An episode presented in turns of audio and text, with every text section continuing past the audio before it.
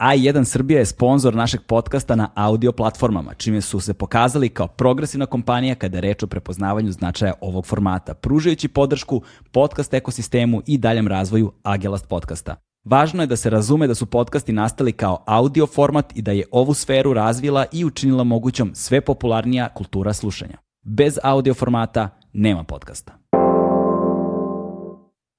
Legend Worldwide je domaći modni brend prepoznatljiv po džinsu i stilu, fokusiranom na stvaranje smirenog dizajna sa prizvukom modernog nasuprot bezuslovnom praćenju modnih trendova. A sada da najavim svog gosta danas, I veoma mi je drago što ovu epizodu najzad snimamo iz prostog razloga što mi je dugo trebalo da nađem nekoga dovoljno, kom, dovoljno uh, edukovanog i dovoljno kompetentnog da govori na ovu temu, a u pitanju je jedna od najmaglovitijih i najneuhvatljivijih tema posljednjih godinu i nešto više od toga, a u pitanju je NFT. Šta je NFT? Kakve veze NFT ima s umetnošću? Kakva je to NFT umetnost? Šta ona predstavlja? Zbog čega ima toliko veliku vrednost? I naravno da pre svega objasnimo ljudima šta je taj NFT. Moj gost zove Vitomir Ivremović, on je čovjek koji se bavi NFT-evima profesionalno, ima svoj marketplace na kojem kreiraju, prodaju, trguju NFT-evima, bavi se umetnošću ge, u generalno, programer je, uh, jedna od stvari je samo u svom životu je programer, radi ove stvari više od 20 godina, između ostalog je diplomirani arheolog, tako da može da govori o ogromnom spektru tema i da je jedna od definitivno najboljih osoba da otvorimo ovu temu, a pored nje i ono što ona implicira. Ne samo šta su NFT-evi, nego kakva je njihova upotrebna vrednost i kakva je njihova upotrebna vrednost u budućim svetovima koji će se kreirati. Vidjet ćete o čemu se radi kada budete poslušali razgovor. Moj sledeći gost, uživajte.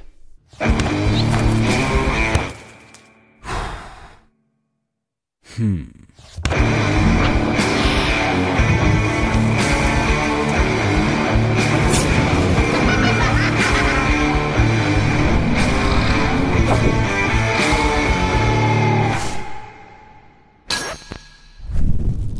Vito, da li ćemo danas saznati šta je NFT?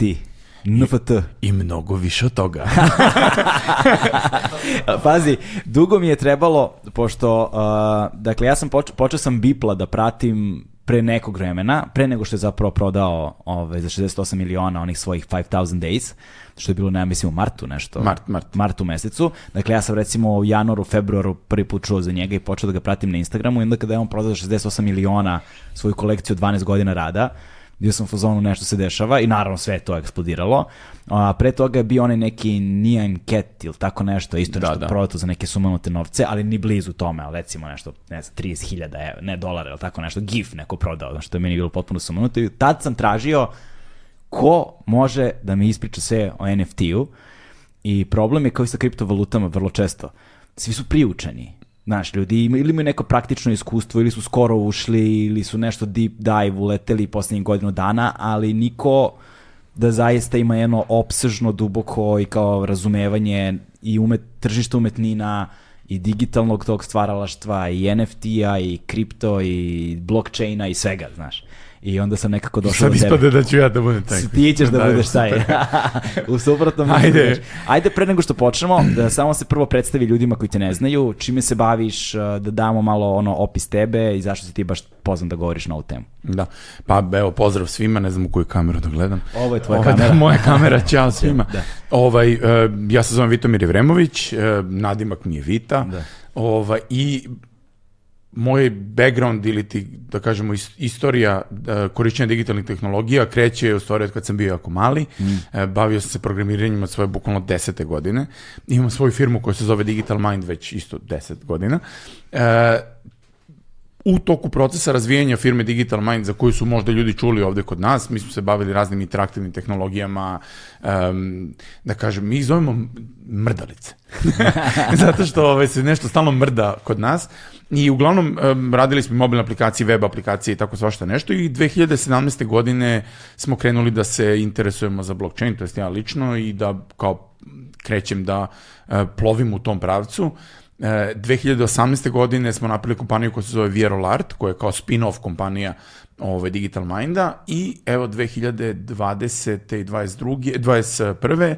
21. smo konačno ponovo se vratili u blockchain u punom kapacitetu, odabrali konačno uh, chain na kome ćemo da radimo, koji je Solana, i ove godine lansirali, da kažem, stavili kapu, nek, neki kao kišobran iznad svih projekata koje smo radili i taj kišobran se zove All Art i on je, da kažem, protokol koji se bavi upravo NFT-ovima i e, njegova uloga je da kreira nove NFT standarde, e, da poboljša one standarde koji postoje pošto su kriminalni i da ovaj lansira proizvode da. koji će u stvari koristiti taj, taj novi standard. Ovaj, I da uglavnom mi smo onda krenuli da razvijamo protokol sredinom ove godine, tako da kažem, i lansirali smo i prvi potpuno open marketplace na NFT-ova, to je u stvari online prodavnica mm -hmm. za NFT-ove na Solana blockchainu.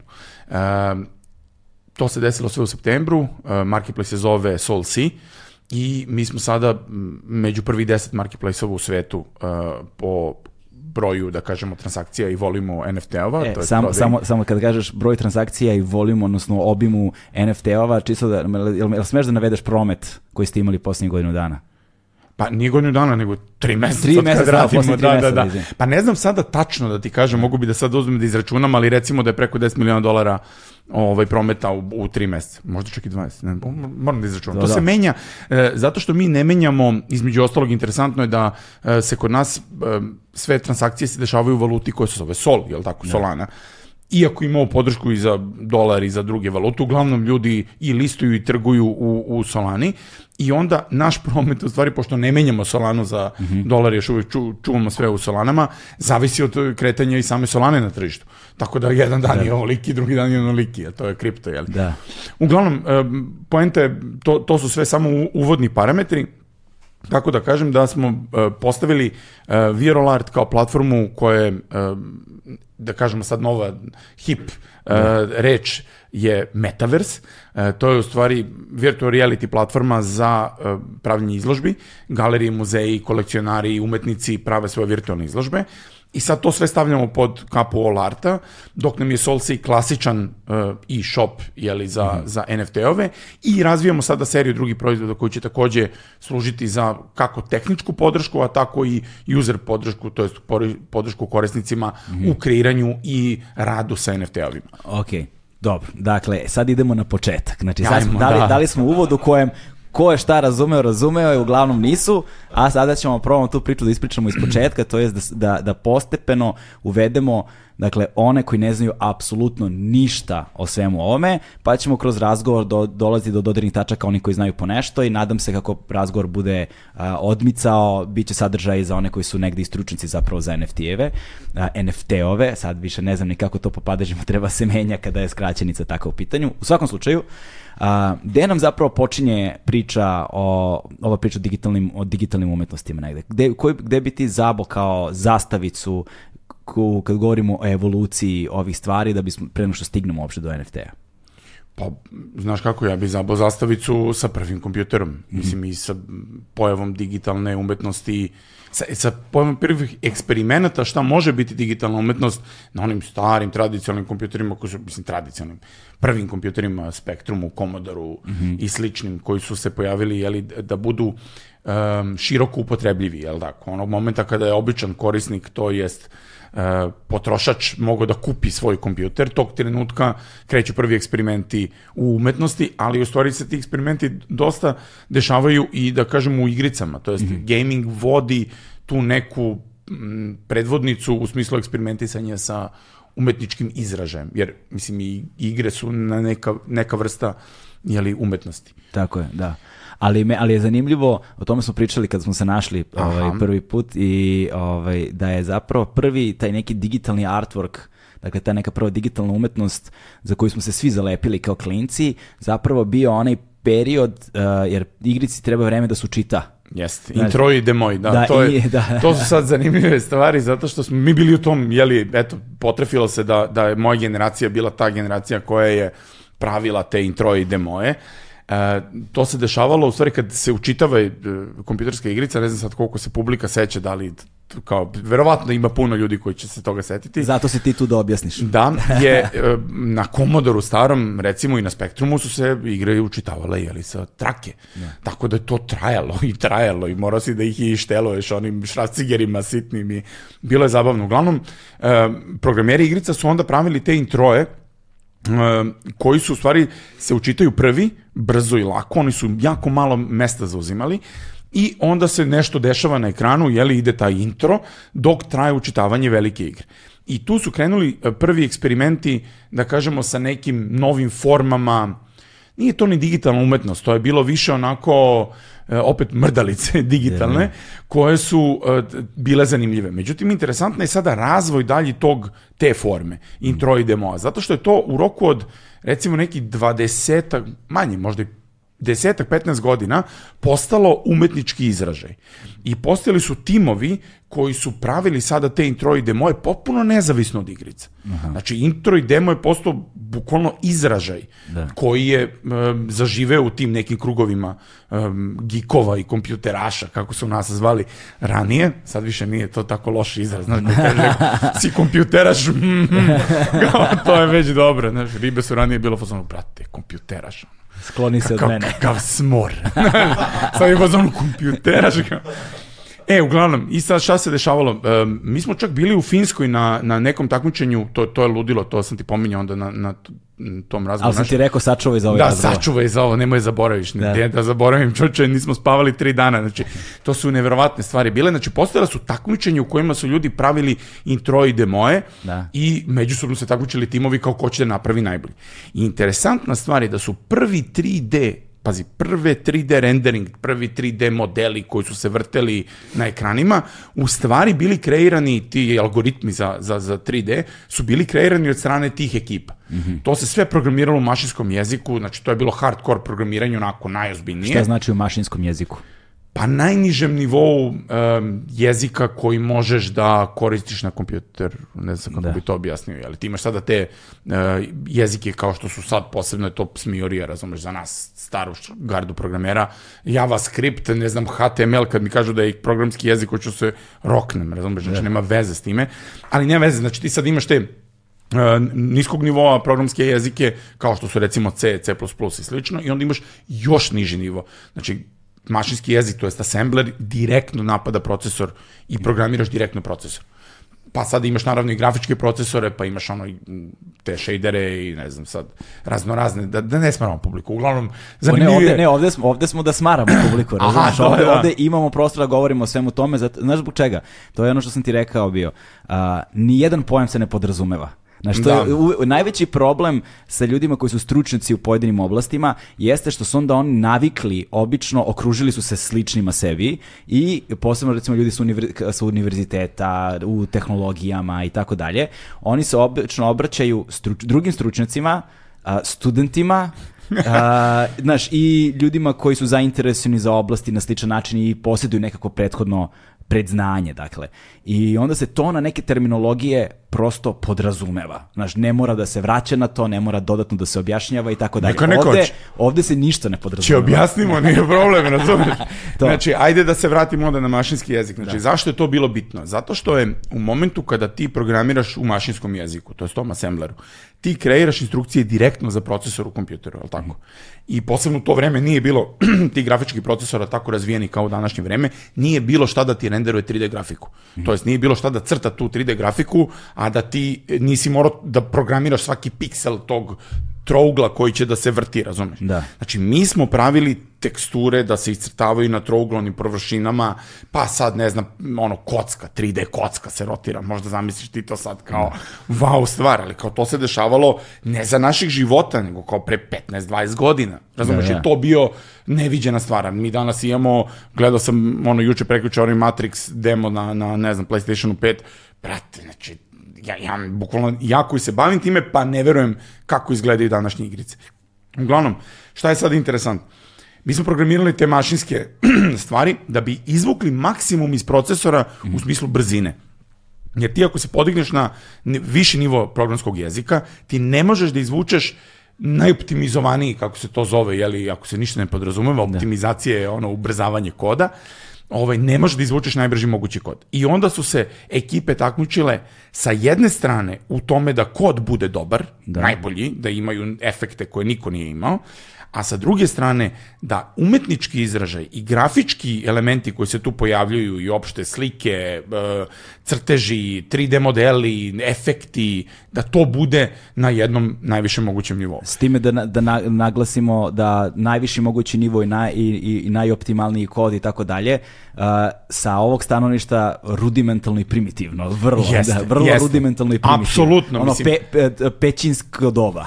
pećinsko doba. Da. Umetnost na zidovima pećinskog doba. Da. Kompjuterske grafike, tačno, ova, i tog digitalne umetnosti u svakom smislu, ali je sad tu zanimljivo bilo što um, su ljudi svakim, svake godine izlaskom na, te, na ta takmičenja, pošto su ona postala kao ono, velika stvar, i taj u Finskoj konkretno skup je bio, zvao se Assembly, 90 i ne znam više nikoje godine, treće, četvrte, nema pojma. Ti si bio tamo? Ja sam bio tamo, znači sa ekipom odavde iz Beograda, uspio sam da organizujem financije, sve, sponzore, da mi odemo tamo. Koliko vas? Pa boga mi bilo nas jedno pet, šest, ne znam, ne, tad je... Kompjuteraša. Kompjuteraši, ali, ne, ali ljudi, ali vi ne možete zamislite šta je to. Znači, to je hokejska hala. Da. U kojoj, uh, mi smo došli naravno dva dana ranije, pritom nažalost nismo završili naš demo, jer tad još smo bili klinci da. i nismo znali, ja tad bio mislim u srednjoj školi, i nismo znali da procenimo koliko nam vremena treba da nešto uradimo, bili su ono, optimističan sam bio sa procenama naravno da. i kao, nebitno, uglavnom pojente sledeće, dva, dva dana ranije, srećemo neke grke na aerodromu koji nose ceo kompjuter. A mi smo imali neki laptop, smo nabavili, mislim, u to vreme laptop, ja ne znam kako da vam objasnim. To kao, dan, kao danas desktop znači, računar. To je, da, bukvalno. Pritom mali ekran, znaš, onako sm, da, da, da. Ma, smirje. Zapravo kao iMac, samo da ga oburiš ovako, to je. Prilike, da. I mali manji ekran. I mali, mali ekran. Ovaj, e, uglavnom mi sad nađemo te grke na aerodromu, I Grci poneli ceo komp i mi se s njima tu odmah zgotivili, treba nam komp, brate, razumeš, da. nismo mogli da donesemo iz Srbije komp. I uglavnom, e, to su stolovi bili, ta hala je bila ogromna, stolovi su bili postavljeni potpuno prazni, e, ovako skroz, znači, cac, cac, cac, oko redovi stolova i produžni kablovi. I svugde vire produžni kablovi. U roku od 24 sata cela hala je bila prepuna kompjutera mm. i to su sve bili ljudi donosili. Nosiš monitor preko pola sveta, razumeš, da, da. da bi stavio tu i da bi tri dana mogao da to da tu radiš. Znači sve kompovi, monitori, ekipe, gužva, ovako gužva i na onim velikim hokejskim, to jest u hali, onako kako su gore bili ekrani, tu su se puštali, tu, tu je išlo takmičenje. Znači, prvo su bili uh, podeljeni u kategorije, pa su to bili, ne znam, introji, pa demoji, pa demoji za ovaj računar, pa demoji za onaj računar, u trajanju od ovoliko i ovoliko, koji izuzimaju ovoliko prostora, to je bilo isto interesantno. Ti imaš introje, u nekoliko kategorija. Imaš recimo uh, do 4 bajta, ako se ne varam, intro. 4 bajta? Ne 4 bajta, izvini, 4 kilobajta. 4 kilobajta. Znači, 4000 okay. bajtova da, da. ti je kod za ceo intro. Ne shvatate šta ljudi pakuju 4 kilobajta. Nema zamisliš. Da. Pa onda kao sledeći level je kao 64 kilobajta. Kao, kao tu imam prostora da se razmašem da, da, da. sa kodom. Pa onda 128, pa 256. Ne, ne, ne, onda, onda su bili ovi u megabajtima. Ja mislim, bilo, sledeće bilo tipa 2 megabajta. Uglavnom, e, šta se dešava tu sad? To tri dana traje, dan, noć.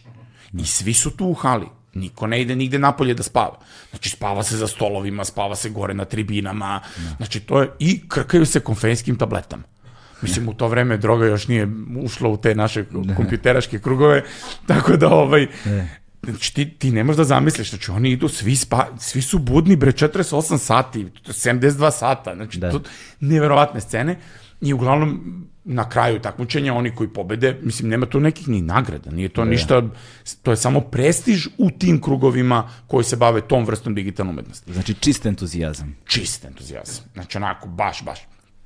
E, posavetovo bi publiku da pogleda, da potraži na YouTube-u, ima jako puno um, tih screen capture-a, tih ovaj, demoa, um, neverovatne stvari ljudi prave u poslednjih par godina, zato što sad tehnologija pruža jeli, da. veće ovaj, mogućnosti i to, to su genijalni isto ti, mislim, bukvalno umetnost u, u pitanju, digitalna umetnost, ne, da. neverovatno. Ovaj, I ono što je isto tu uh, bih napomenuo, da se svi demoji introji, znači šta je pravilo toga, je da se dešavaju u realnom vremenu. Što znači da se iz, kod izvršava na računaru i da tebi sliku generiše kod. Mm -hmm. To je važno. Znači, ne generiše sliku, nisam ja sad snimio kao 30 slika, nego one nastaju iz koda. Kod generiše sliku. Tako da je to, ajde da kažemo, kad pričamo o nastanku digitalne umetnosti, te neke koja iskorišćava zaista digitalne tehnologije, mm -hmm. a ne kao je imam Paint program pa sam digitalni umetnik, nego kao kreiram u tom digitalnom svetu, to je bio neki početak. A1 je prvi prijatelj audio izdanja Agelast podcasta. U raznim oblastima Jeli, ti sad imaš klasične umetnike koji su krenuli da crtaju digitalno, pa imaš, ne znam sada, te programere koji su prešli umetnike, pa imaš umetnike koji su našli programere da im isprogramiraju nešto da to bude nova forma. Tako da je tada davno, pre ti neki 30 godina, u tom pravcu je krenula da, cijela to, priča. Meni, meni je bilo zanimljivo, pošto sam radio uh, za, za, za neke festivale koji su se bavili digitalnim umetnostima, ali digitalnim umetnostima u kontekstu traganja za novim izrazom. I ono što mi je bilo zanimljivo jeste, tad sam se ja prvi put susreo, recimo, dosta kasnije u mom slučaju, recimo, to je 2010. na primjer, ili tako nešto, gde sam prvi put počeo da raz, razmišljam na sledeći način. Hm, slikar koristi platno i četkicu ili neku varijaciju toga, možeš rukama, nogama, ako si, ne znam, naš, ili da nije plato, nego će da bude zid, ali pojenta je jasna, platno ili četkicu. Vajar koristi nekakav materijal kojim valja, vaja, je li tako? Uh, um, ne znam, um, dakle svakom umetniku je potrebno nešto čime kreira to svoje umetničko delo. Dakle, i potrebno mu je sredstvo za kreiranje tog umetničkog dela, je li tako? I onda sam, i onda sam skapirao da sada imaš kao sredstvo za izraz kod. Znači, no. on, znači, onda digitalni umetnici zapravo koriste programski jezik da kreiraju nešto. I kao da je ono što je, što je slikaru četkica, to je programeru programski jezik u suštini. Da, da, ali ti sad imaš tu drugi problem u tome što umetnost i umetnici generalno um, nisu programeri. Da. I redko, redko kad ćeš ti sresti programera koji je umetnik, ali umetnik kad kažem, znači da ima trip neki i da, da, da, da hoće da se da. izrazi kroz svoj kod. Da. Tako da ono što se nama dešavalo i u firmi ovaj, je da, recimo, kada smo pravili neka umetnička dela za umetnike, a to je da uh, umetnik kaže nama šta da isprogramiramo. Aha, aha.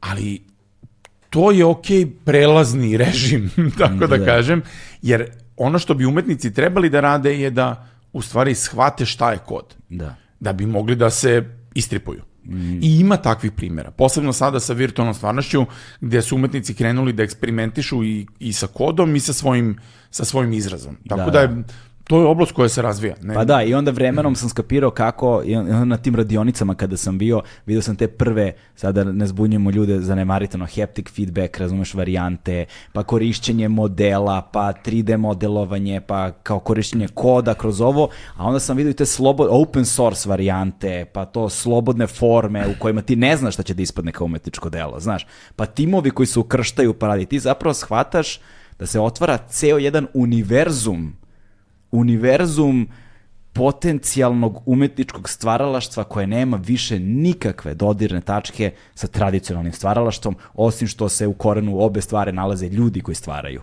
Ali sve posle toga da. ono je drugačije i zahteva neku radikalniju promenu svesti u razumevanju stvari. A da li si video AI umetnost, to jest artificial intelligence kreirana umetnost? Umetnost veštačke, ne, kako veštačka inteligencija kreira umetnost, nisam video. Da, ne shvataš. Znači, znaš ti koji su to trikovi? Ok, stići ćemo do tamo, da, I dakle, vi, vi kompjuteraši 90-ih kapirate rađa se nešto što ovaj, kao entuzijasti koji prave demoje i introje za igrice tih primitivnih, nazovimo ih, računara tog vremena, ovaj, kapirate, dešava se nešto novo. Dakle, to je bio neki, da kažemo, eto, ne, neka klica zapravo onoga što živimo danas, na neki način. I idemo dalje odatle. Je, jedan od puteva, to, da, mislim, da. sve se to dešava paralelno, tako da uopšte, da moji introji nisu e, pokretači umetničke scene uh, digitalne koja postoji danas. Da, da. Znači, to je jedna potpuno zatvorena niša ljudi koja je krenula da se bavi time i dalje se bavi time i niko praktično za njih ni ne zna. Da, da, da. Mislim, to je najluđe od svega.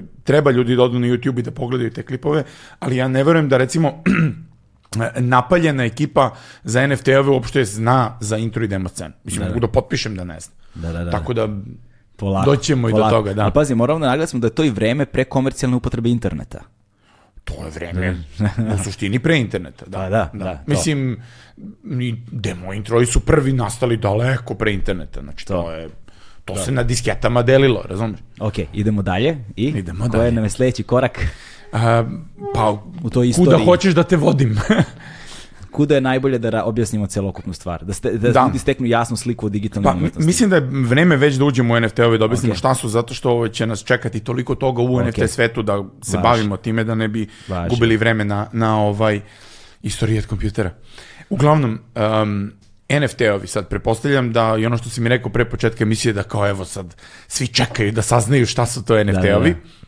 Ovaj, NFT je, da možemo da krenemo sa objašnjavanjem šta je NFT, prvo da kažemo šta znači ta skraćenica. jel? da. NFT je non-fungible token. Ok, E sad, šta znači non-fungible token, šta je fungible token, a šta je non-fungible token? Da. Znači, fungible tokeni su deljivi tokeni. I to su tokeni koji u suštini ima više od jednog. A non-fungible token je nedeljivi token, to jest, to je kao jed, jedan komad nečega. I zato se zove non-fungible i zato se zove token. Znači, jedan komad nekakvog digitalnog zapisa. Kad pričamo o tokenima generalno, da ne ulazimo u temu blockchaina i kako se to u tehničkom smislu realizuje, da bi pojednostavili ljudima da shvate šta je token, možemo da računamo da je token bar kod. Znači, najopičniji bar kod. Kao što svaki bar kod ima neku šifru ispod, to su ono niz karaktera, slova i brojeva. Eto, to je token. Ono što je važno je da korišćenjem tih nekih, kako ih zovemo sada, jeli, um, algoritama koji se koriste u blockchainu, uh, možemo da garantujemo da je određeni kod jedinstven. Jeli, to je sad bitno. I sad, mi kad imamo određeni jedinstveni kod i kažemo to je token koji je non-fungible, znači nema više od jednog tokena, odjednom taj bar kod postaje nalepnica koju mi lepimo za neki objekat i kažemo, e, ovaj kod predstavlja taj objekat. ok. I sad, gde je kvaka? Kvaka u celoj priči je u tome što tim kodom možemo da označimo digitalni objekat. I to je sad glavni fazan bio. Šta se desilo stvari? Desilo se to da kao što svi znamo kako izgleda ono desni klik save as image da, i kao snimam sliku i objasni mi što sam ja sad kao kupio ovu sliku, a kao a ti si je samo iskopirao. Da. Moment kada su ljudi krenuli da, da, da predstavljaju vlasništvo nad određenom digitalnom, digitalnim objektom, tim jedinstvenim kodom u blockchainu, je moment kada je geneza NFT-a u stvari dobila svoje, svoj ono razlog za postojanjem. Jeli? E, problematika u digitalnom svetu od uvek koja je postojala je lako kopiranje stvari. I tu je blockchain rešio jedan problem, a taj problem je bilo kopiranje love. Znači, to je najbitnija stvar. Znači, blockchain, kriptovalute su rešile problem da ja imam sad kod mene zapisano da imam 100 dolara i da ja tebi ne mogu da iskopiram tih 100 dolara i da ih dam tebi. I sad mi imamo 200 dolara, odjednom je nastalo više para. Znači, to je blockchain tehnologija rešila. Znači, drugi neki podcast, pa ti vidi ti to tamo objasni. Da, drugi podcast pa ti priča ljudima šta je blockchain. Jeste. Ali e, e, ako vas zanima e, ovaj e, Aleksandar Matanović i Stefan, sad sam zaboravio prezime, Ignjatović, bravo, preziva se isto kao ti. Stefan Ignjatović, e, sa njima sam razgovarao o kriptovalutama i o blockchain tehnologiji, tako da stavit ću link u opis ovog podcasta. E, može, to je dosta bitno, da. Kliknite pa pogledajte to ukoliko vas zanima sama tehnologija o kojoj se govori. E sad, znači, dolazimo do toga da je blockchain rešio kopiranje para, to jest kopiranje bilo čega, pa i bilo kakve vrste tokena, to jest tog nekog jedinstvenog digitalnog sadržaja. I sad je ostalo da kažemo, aha, pošto sliku ja i dalje mogu da iskopiram, jel tako? Ali šta ne mogu da iskopiram? Ne mogu da iskopiram, uh, hm, kako bi to rekli, potvrdu o vlasništvu. Znači, to ne mogu da iskopiram. Znači, ako ja kažem, ja sam vlasnik ove slike, ti mi kaže, ti si je napravio i rekao si sad Vita je vlasnik ove slike da. i zapisali smo to u blockchainu, tim jedinstvenim tokenima, e, to stoji tu upisano. I sad ja mogu da uzem i da iskopiram tu sliku na 30 adresa, ali piše negde da je ta slika moja. Mm -hmm. I tog momenta je krenula evolucija, jeli, tog NFT um, pokreta, bukvalno je pokret u pitanju, koji se bavi NFT-om. Međutim, sad da se vratimo par godina nazad i da shvatimo kako je to ta geneza um, NFT pokreta krenula u stvari. Da, i ne samo kako je krenula geneza pokreta, nego da nam i ta geneza možda objasni šta je tom potpisu dalo vrednost. Pare. pare, a kako da. su pare ušle, verovatno ćemo saznati genezu. Da, da, da. Ovaj, pa, ajde da krenemo u stvari od, od, od toga kad je uh, blockchain, šta se desilo u stvari 2015. 16. godine kad je Ethereum uh, kao uh, kriptovaluta. kriptovaluta, ali nećemo reći kriptovaluta nego kao blockchain, kao, tehnolo, kao novi tehnološki uh, korak se dogodio. Razlika između Bitcoina i Ethereuma je bilo u tome što na Ethereumu se ti mogu da praviš takozvane smart kontrakte. Ugovore, da, pametne e, ugovore. šta je pametni ugovor? To je softverski kod, ništa drugo. Koji uzima neke vrednosti, procesuira ih i izbacuje neke druge vrednosti. Međutim, to se dešava na blockchainu, mm -hmm. jeli? I e, taj kod koji se izvršava su stvari mogućnost da ti programiraš logiku koja stoji, sad u najčešćem slučaju se blockchain koristi za pare, ali da kažeš logiku, e, transformacije vrednosti. Ajde samo ovako da objasnimo taj, da, da se sustimo trenutak na tom pametnom ugovoru. A, pominjali smo delimično pametne ugovore takođe u ovom a, u tom podcastu sa Matanovićem i, i Gnjatovićem, a, ali da pomenemo koliko sam ja uspeo da razumem, pametni ugovor je kao ona matematička jednačina. Ako ja, o, ako iz ovoga sledi ovo, ukoliko ovo, onda ovo, ili na primer a, ukoliko ti uradiš ovo, ja imam obavezu da uradim ovo, iz ovoga proizilazi ovo ili tako neke, tako neke stvari, uslovi. Kreativnost je da, limit. Ali ne, ne samo, da, samo nema hoću, limit. Samo, samo primjerom nekim da oslikamo Dobro. šta znači pametan ugovor, koji ono, kao vodi to digitalno uh, uh, garanciju da ukoliko ti izvršiš ovu obavezu, ovo će biti razumeš, izaći kao transakcija ili kao kraj ili kao, ne znam, ishod na kraju, razumeš, znači on, on, on drži garanciju onoga šta će da se desi, jel tako? Jeste svojim digitalnim potpisima učesnika u tim tako je. E, transakcijama. E sad, e, na blockchainu se u principu pozivanje pametnih ugovora radi kroz takozvane transakcije, ali to je m, samo da ljudi ne, ne, ne shvate pogrešno. Nije sve u parama u blockchainu. Znači, to nije kriptovalute i valuta i vrednost, uopšte nije jedina e, upotrebna vrednost blockchaina. Znači ona možda bude razno. Mislim, NFT je u stvari e, digitalni potpis da si ti vlasnik, to je da, da, da je taj jedinstveni kod pripada tebi. Čak ne kažem vlasnik, nego kao ti si ga napravio i onda si ga prebacio nekom drugom.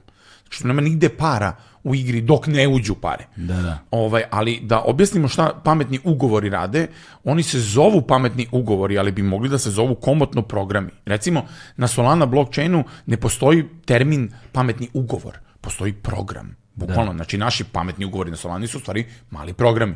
I sad na Solana blockchainu ti podaci stoje rasuti po blockchainu u tim uh, jedinstvenim kodovima, to su kao mali fajlovi, mm. jeli?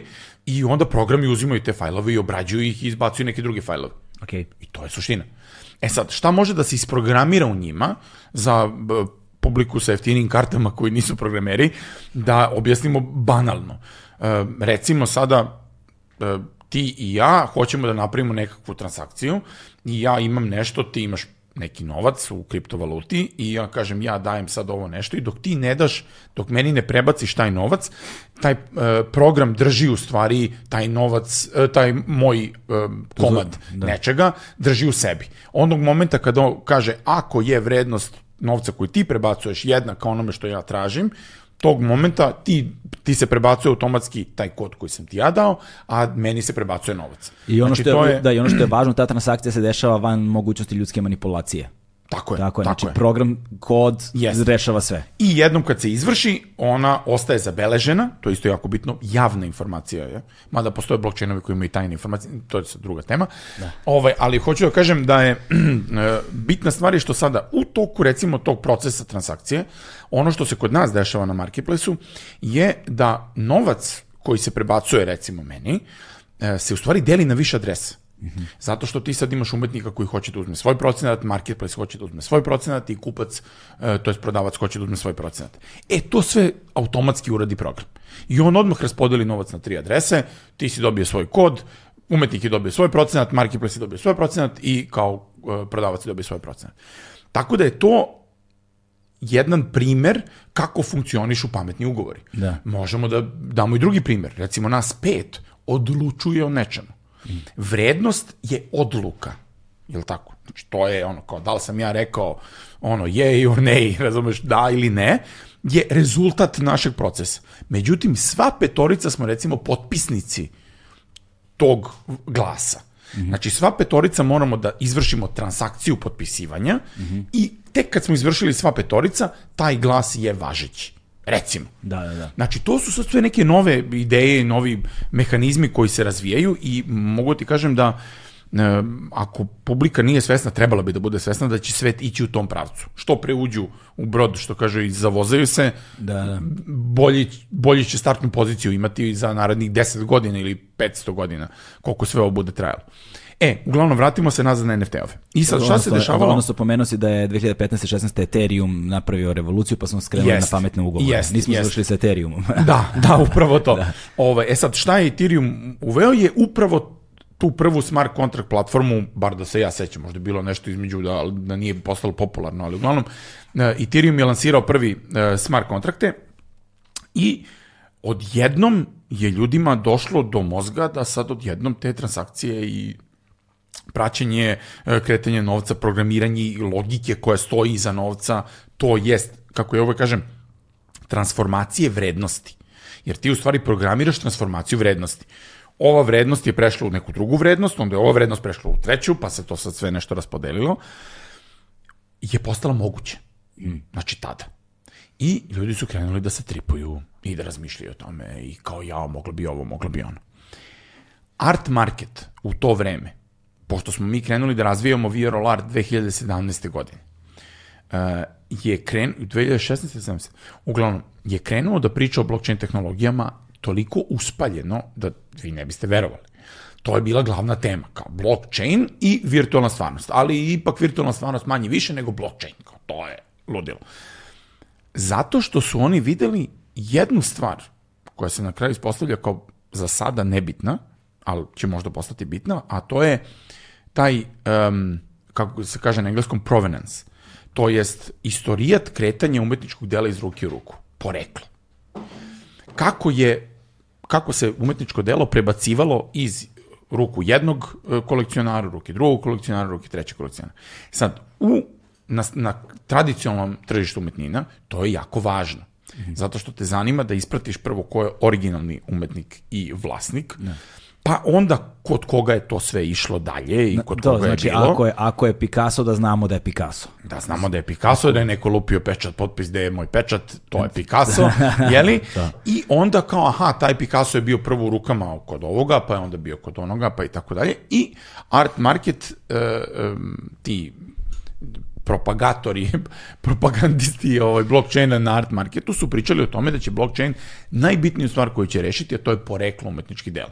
Između ostalog, eh, da na, navedemo samo da ni, kad si rekao da nije samo novac i recimo u kontekstu toga da nisu samo umetnička dela, primera radi, a, svi mi a, ukoliko živimo negde, a ukoliko imamo dovoljno sreće u životu da imamo krov nad glavom, jel te, i da smo vlasnici a, tog krova nad glavom, to znači da moramo budemo upisani u katastar. Jeste, E, boga mi. a da bi se upisao u katastar, ako nisi prvi vlasnik, moraš da imaš šta? Nešto se zove pravni sled. Originalne kupoprodajne ugovore svih prethodnih vlasnika od onog koji je podigao zgradu, stambeni objekat, kuću ili šta god daje.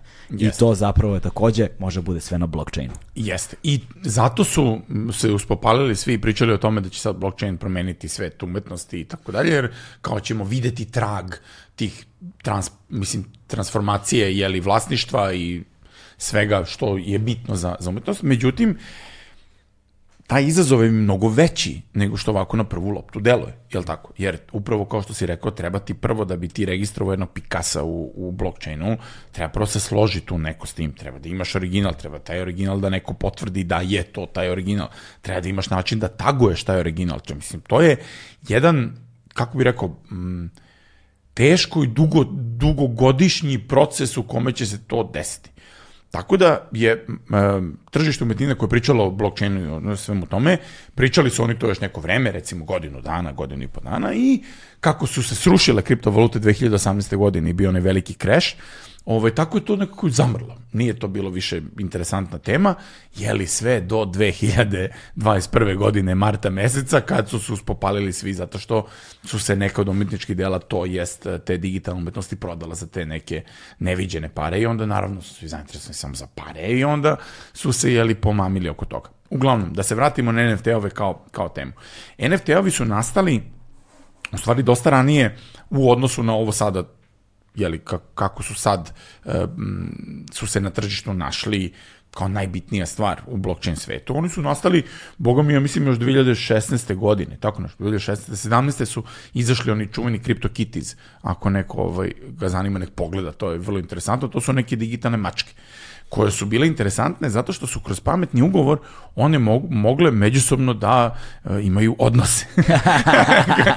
Ovo, to jest, e, mačke su mogle da se međusobno ukrštaju i da prave nove mačke. Da, da. I sve se to dešavalo u stvari na blockchainu. I... A te nove, ma, na tome kako, na time kako će ta nova mačka da izgleda, niko nije znao. Mislim, pa ne, da, da, da, ne, bilo je, to je bilo programirano u, u pametnom ugovoru, to je kao da. bilo neki tipa DNK mačke koje je u stvari programski kod koji se sad tu nešto izvrši i ti sad I onda nove varijacije mač... mačaka koje dobijaš, nad njima nemaš kontrolu kako će da izgledaju. Jeste, jeste. Nego je to iznenađenje. Da.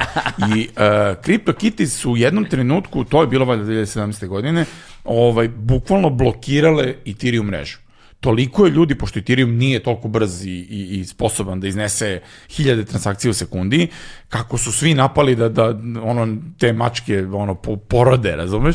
Ovaj, tako su, u stvari, to se kaže u NFT svetu, da mintuju te mačke, to je da ih stvore kao NFT, ovaj, tako se bukvalno cela Ethereum mreža zagušila bila i u jednom trenutku je bilo, ozbiljno je pitanje bilo da li će preživeti mreža kao takva, zato što su svi krenuli da kupuju te mačke. E, i uglavnom... Um, o ljudskom absurdu, a? A? Da, da, to, to. A šta je fora?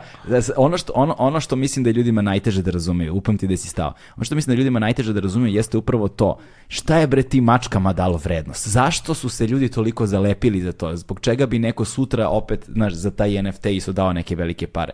To je ono što treba da imamo negde kao stav, pošto Steve govorio emocionalna kupovina, kao kontakt, taj kao emocije u kontekstu kupovine digitalnih umetnosti i načina na koji se ljudi vezuju za njih je vrlo specifična stvar u digitalnom svetu. Doćemo do toga. Vaš. Da se vratimo na ovaj, genezu mačaka. Da, da, da. da. ovaj, e sad, šta se tu dalje dešavalo? E, vrlo važna stvar koju publika treba da zna je ko je smislio NFT-ove. To su bili programerčići, kako bih nazvao. I zašto programerčići? Zato što um, moje mišljenje skromno kao programera koji kao 30 godina programira, ovaj, je da je neko seo da razmisli malo dublje o tome šta će biti kasnije korišćenje NFT-ova kao non-fungible tokena. Standard koji je implementiran bi bio bolji. Aha. Mi imamo sada problem, ozbiljan problem, što standard po kome su pravljeni NFT-ovi je toliko loš i toliko ne ne obuhvata raznorazna scenarija koje nama trebaju, da mora da se prave novi i da se poboljšavaju, jeli, taj standard mora da se poboljšava. Međutim, šta se onda desilo među vremenu? NFT-ove su napravili, mislim, ne, ja kažem, ružno da kažem programerčića, da, neki programeri su napravili taj, taj standard. I, ovaj, I onda su došli drugi programeri i videli taj standard i onda su uzeli i skopirali to su došli treći programeri. Pa su na nekom drugom blockchainu iskopirali ovo odavde, da bi zadržali, kako mi to zovemo, backward compatibility ili ti kao um, standard koji je napravljen nekada, se to kao sad dalje usvaja. I odjednom smo mi se mi sad zatekli u moru tih NFT-ova, mm. koji su svi kriminalno loši u svojoj osnovi. Mm -hmm. E sad, kad kažem kriminalno loši, na šta mislim? Mislim na podatke koji su upisani u sam blockchain. Kako je to kad uđeš u kod, kako taj kod izgleda, šta u njemu piše. E, to je recimo jako loše obrađeno. Početkom ove godine, krajem prošle i početkom ove godine, e, su ljudi počeli da postavljaju pitanje o tome zašto je to toliko loše, hajde da napravimo bolje i slično. Međutim, tolika pomama za vrednosti NFT-ova je dovela do toga da nikoga to ne zanima u stvari mnogo i da su svi u fazonu, ma daj bre, to, je, to radi i to je okej okay, i kao samo rokaj. Mm. Razumeš, samo kupi, prodaj, kupi, prodaj i kao to je to.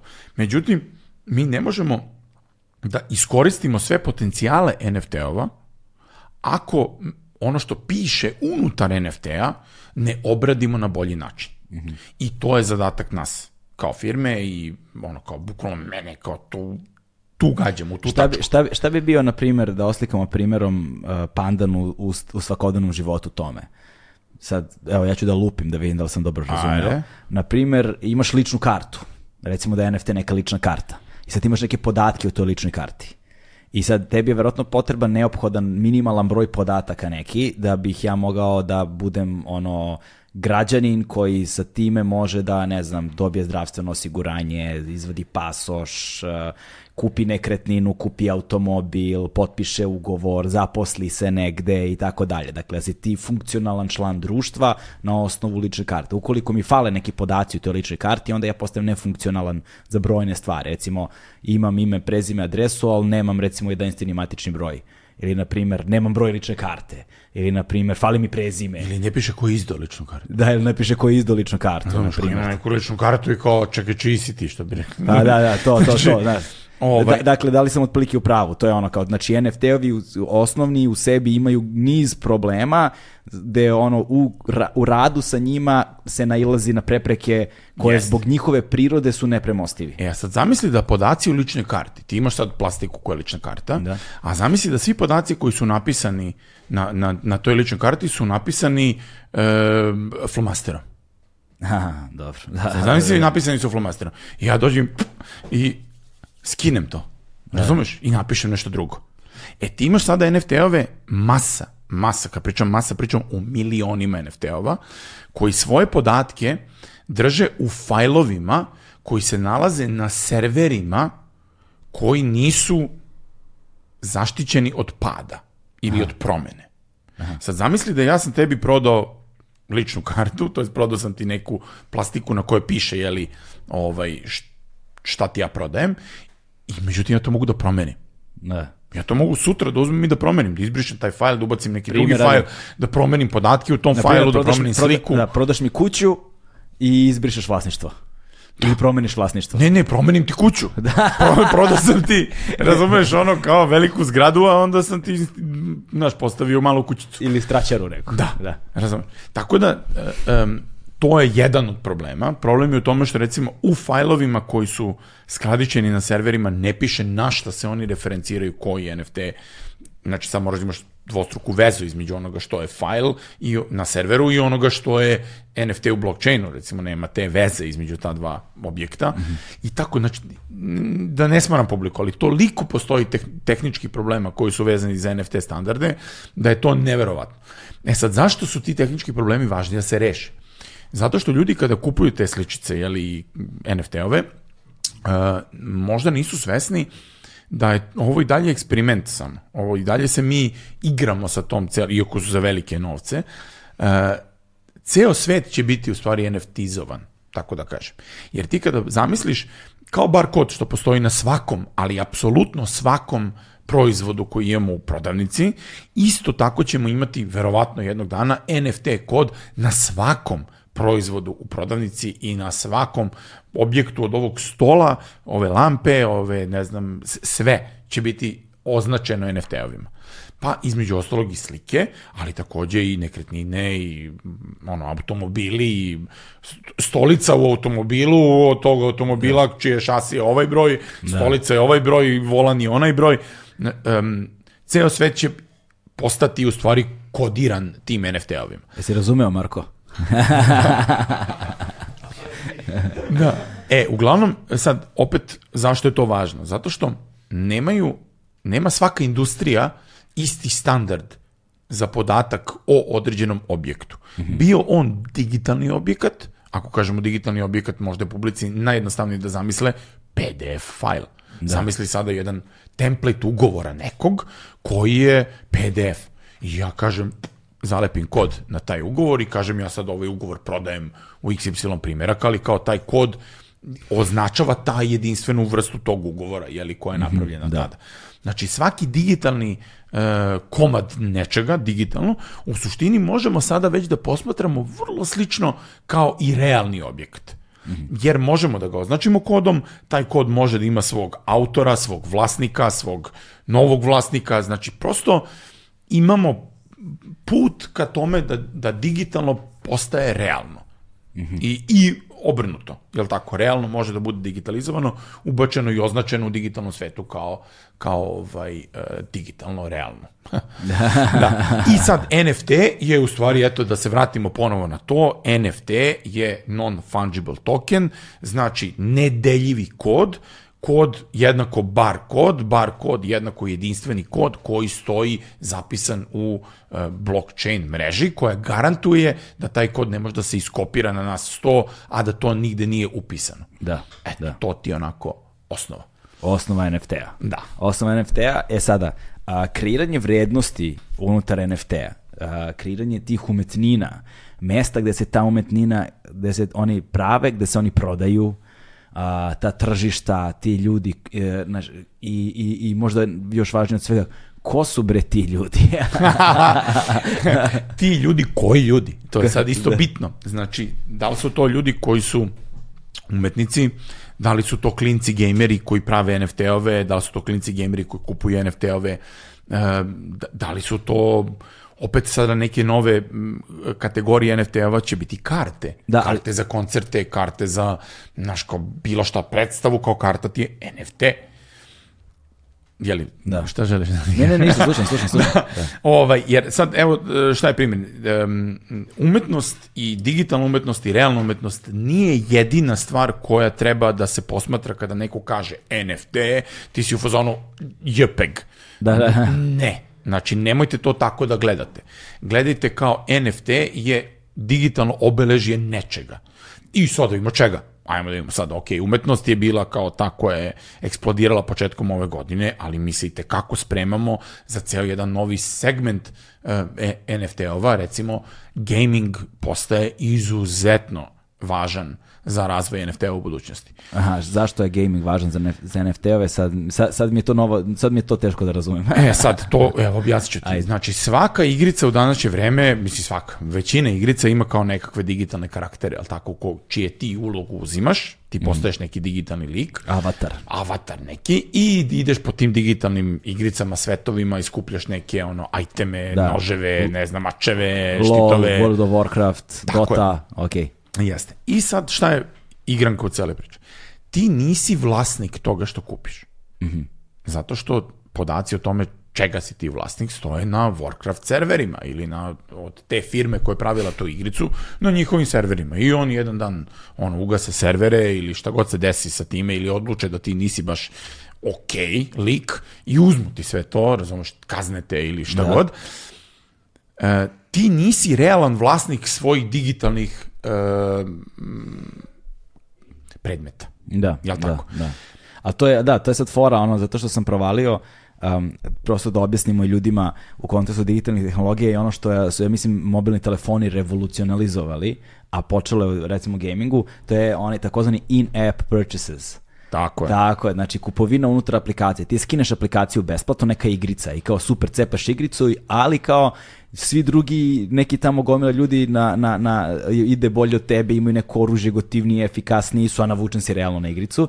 I on si u fazonu kako ja mogu da imam o, ovo, ne, kako oni to zovu skin ili ne znam šta, razumeš, znači u igrici, e pa ovo moraš da... 2,99. Tako je, 2 dolara 99 centi i imaš ovo moćnije oružje. I onda ljudi kupuju te stvari, u, odnosno unutar same aplikacije, dakle unutar same igrice, kupuju dodatno te stvari, ali je sad, ako sam te dobro razumeo, fora je u tome što ukoliko sutra ta igrica rikne, ukoliko taj, ti serveri gde se sve to čuva riknu, otišlo je sve to što si ti dao pare za to. Tako je, tako? tako je. A ono ima, koliko sam provalio sada, jer recimo bio sam na, na Tokyo Game Show sam išao, o, u Tokiju, jel te? I ovaj, ja sam video kako, kako taj cosplay i kako ta gaming kultura izgleda u stvarnosti. To je, mislim, ja sam tad shvatio zapravo, to, to je ozbiljno posvećena publika, to je on, oni, oni Masa.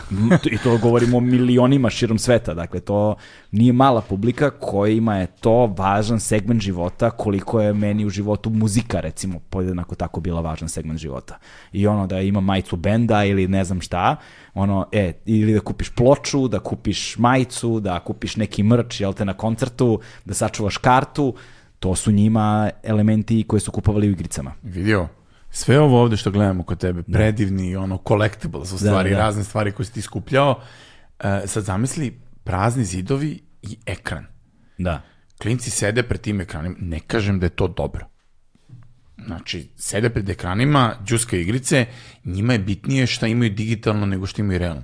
Jer ovo što oni imaju realno, to niko ne može da vidi, niti bila šta ono što ima digitalno, to svi njegovi ortaci koji su online mogu da vide. Da. Razumeš? Tako da je... To je statusni uh, simbol. Po, tako je. U tom novom svetu u kom se mi nalazimo, by the way, samo nismo baš sasvim svesni toga. Da. Naša deca se nalaze i nalazit će se tek ovo mladi naraštaju, ali mi kao nismo toga baš sasvim svesni. E sad, Mi smo još uvek ono dinosaurusi, ma, više smo u analognom i dalje. da, da. Oni da su se, full digitalni. Totalno. Da se vratimo sad nazad na, na, ovaj, na igrice i na, na, na NFT-ove igricama, da. E, šta je sad moment? Ti možda kupiš digitalni item, to jest predmet u igrici, je tako? Mm -hmm, da. I da dobiješ registracioni broj njegov i da si ti njega zaista vlasnik. Što znači dve stvari. Jedan, možeš da ga primeniš, znači da ga koristiš u toj igrici, ako ti ona to omogućava. A druga stvar je možda ga otuđiš, to jest možda ga prodaš. Mm. I sad postoje marketplace-ovi, to jest ti ono kao online prodavnice u kojima ti, pošto si fizički vlasnik, niko ne može da ti zabrani da prodaš svoj digitalni predmet. To je jako bitna stvar. Zato što su uh, gaming kompanije uh, branile ljudima da prodaju svoje avatare, svoje mačeve, svoje stvari na sekundarnom tržištu, što se zove u stvari marketplace. Jer ovaj... Čekaj, samo sekund, jel to ima veza, na primjer, ajmo, ajmo samo ovako, pošto ja imam drugara, da ga ne imenujem sada, ovaj, koji je igrao World of Warcraft kao da ide na posao. Ono, 8 sati dnevno minimum. Ovaj, I o, pošto je porodičan čovjek, supruga mu je rekla jednom trenutku, slušaj, brate, ili, znaš, ono, ili ćemo, ili, ili razvod braka, ili ćeš ti da batališ malo to. I onda je on svoj nalog, svoj, svoj, svoj nalog prodao ne znam, online ga je prodao za ne znam koliko hiljada ovaj, eura ili šta god, je prodao nekom, pošto je on baš bio dobar u tome, ovaj prodaje Tresnuo ženi pare i rekao prodaje, ja mislim ti. da li nekom liku Mađar trebalo nekom liku Mađarskoj šta i prestao da igra uh, da igra World of Warcraft. Dakle, da li to ima veze, na primjer, sa, u kontekstu ovoga što ti sad govoriš? Apsolutno da. Samo što uh, kompanija World of Warcraft ili koja je, valjda Epic Games iza njega, da. ne znam. Nemam pojma. Uglavnom, o, ne, Blizzard je bio. Pa Blizzard je, da. da. Uglavnom, um, je branila te stvari. To se sve radilo, da kažemo, ilegalno. To jest onako, ispod tezge, kao ja tebi prodam, ti meni platiš, ti meni platiš najverovatnije ono kao cashom ili Paypalom ili ne da, znam da, čime, ja tebi bilo, da. prebacim da. username, password. Znam da je bilo za eure. Za, e, ne razumijem. Ali hoću ti kažem da, je, da, je, da nije postojalo uh, um, nikakva mehanika koja je ugrađena u logiku same igrice ili u, u logiku uh, prebacivanja vlasništva sa jedne osobe na drugu bez tih nekih štap kanap varijanti kao je ja da. tebi pošaljem pismo u kome piše moj username i password a ti meni pošalješ lovu a da li ti meni poslao lovu ili nisi znaš, e tome služi u stvari blockchain da, da. znači činjenici da sam ja dao NFT u escrow ugovor, to je takozvani taj posrednički ugovor, ti si dao pare u momentu kad su tvoje pare i, i moj item da. bili tu, razmenili smo da, se vidiš, time da, i razmi... nema... Da, jeste u pravu si, razmišljam sada, recimo taj drugar što je prodao to, um, on je u suštini, ta, ta transakcija se bazirala na poverenju. Tako znači, ne, ja sad razmišljam, nije imalo kako, šta sad, mi smo se upoznali online i evo ti pare i ko garantuje ti nećeš te pare da staviš u džep i ba to, vidimo se, razumiješ? Dobro, su se oni našli. Da, može se, da, ali, ne, razumiješ, ali, ali ne, ne, nismo se našli, znam da je nekom u inostranstvu prodao, razumiješ, da je to kao bilo online se to desilo sve, znaš. Pa to, ću kažem, postoji moment u kome je moglo da dođe do prevare. Moglo je da dođe do prevare, da. ali je kao postalo nekako po, prećutno podrazumevanje i poverenje, da. E, ali upravo blockchain služi tome da kao kad radimo transakciju preko blockchaina da se to neće desiti. Tako da igrice postaju ozbiljno jeli, područje u kome će se razvijeti dalje uh, NFT, ceo taj svet. Ali evo ti primjer i, i zašto, šta se sad dešava posljednjih mesec dana. Mm -hmm. Ljudi su krenuli da eksperimentuju, iako nemaju gotove igrice u kojima uh, kao ti možda igraš. Mm -hmm. Trenutno se igrice vrše u glavama ljudi, znači neverovatan trip je u pitanju, gde oni pričaju o budućim stvarima koje će te igrice da imaju i prodaju ti unapred neke ajteme za te igrice koje će jednog dana majke mi da budu. Da, da, da. Znači, ne veruješ.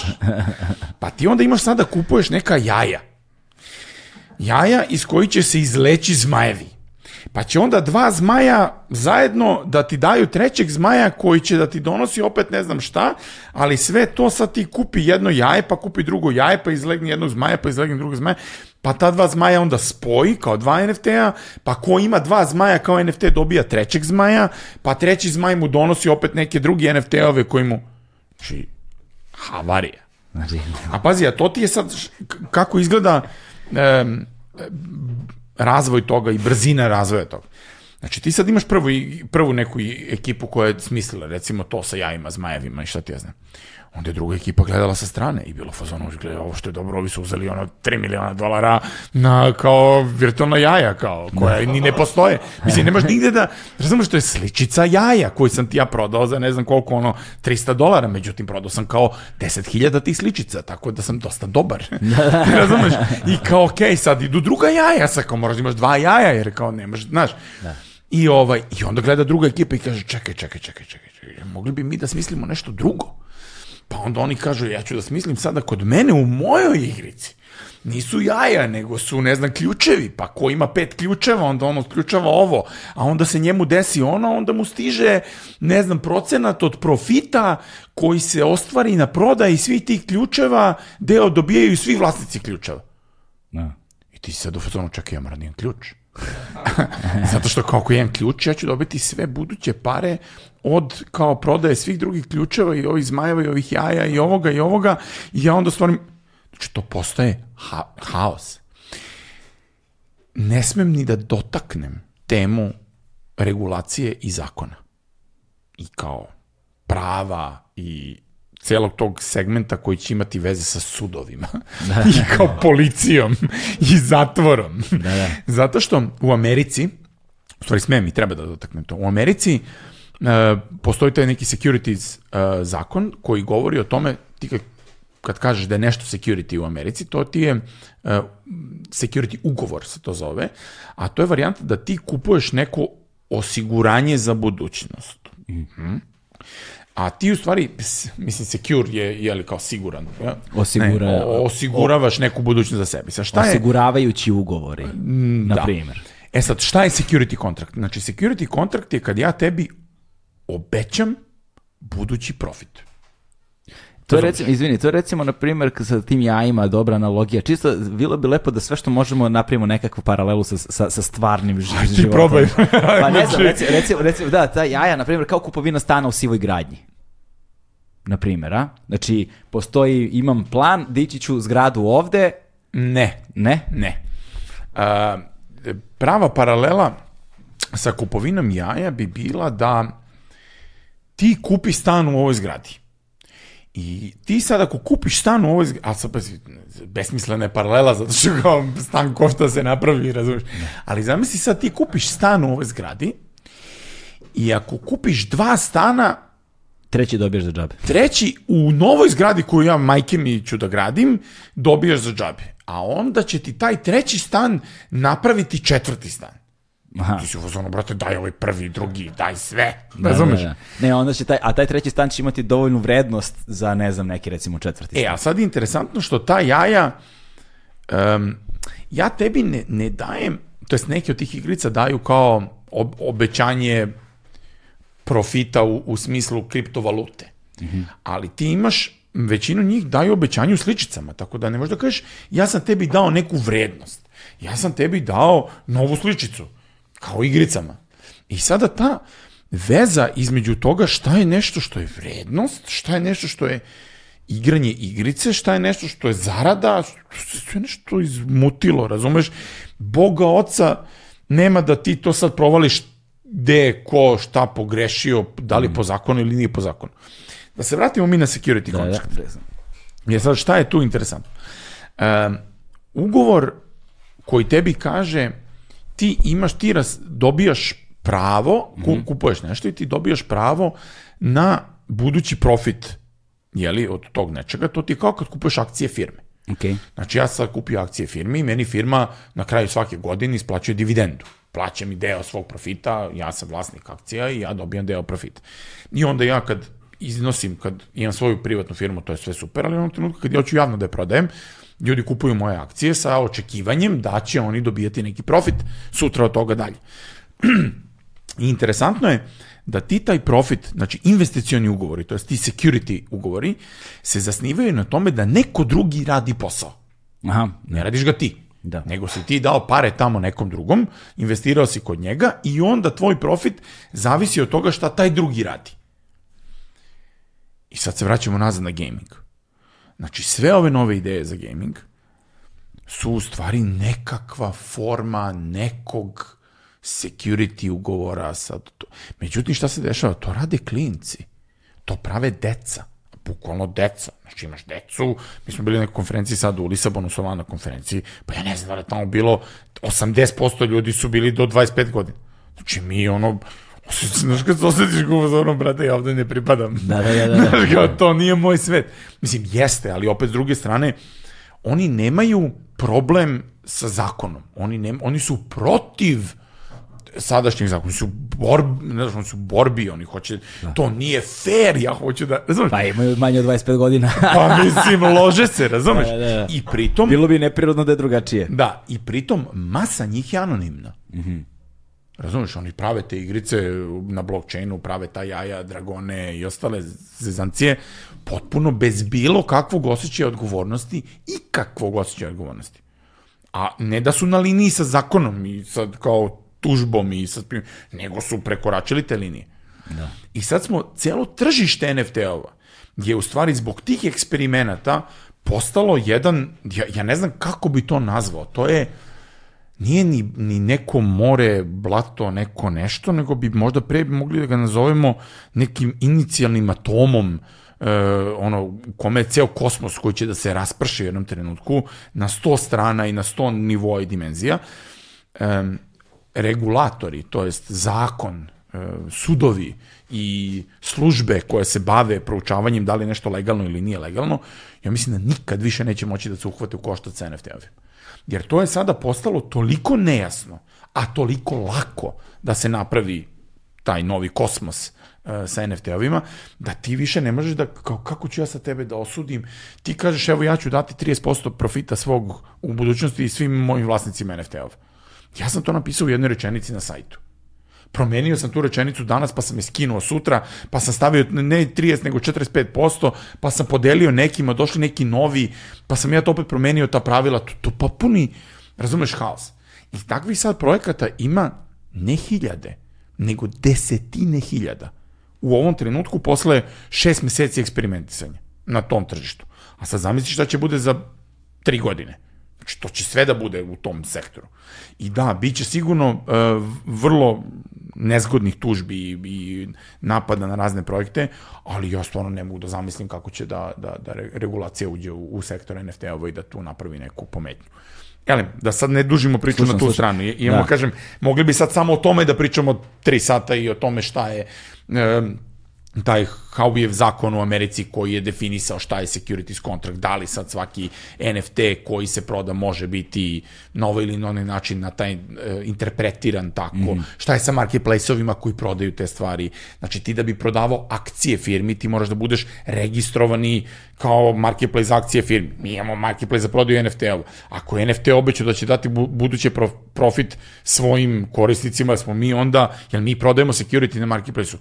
Pa verovatno da, ali kao ja ne znam šta je ta igrica obećala, tamo neko iz- izlisto neku sličicu.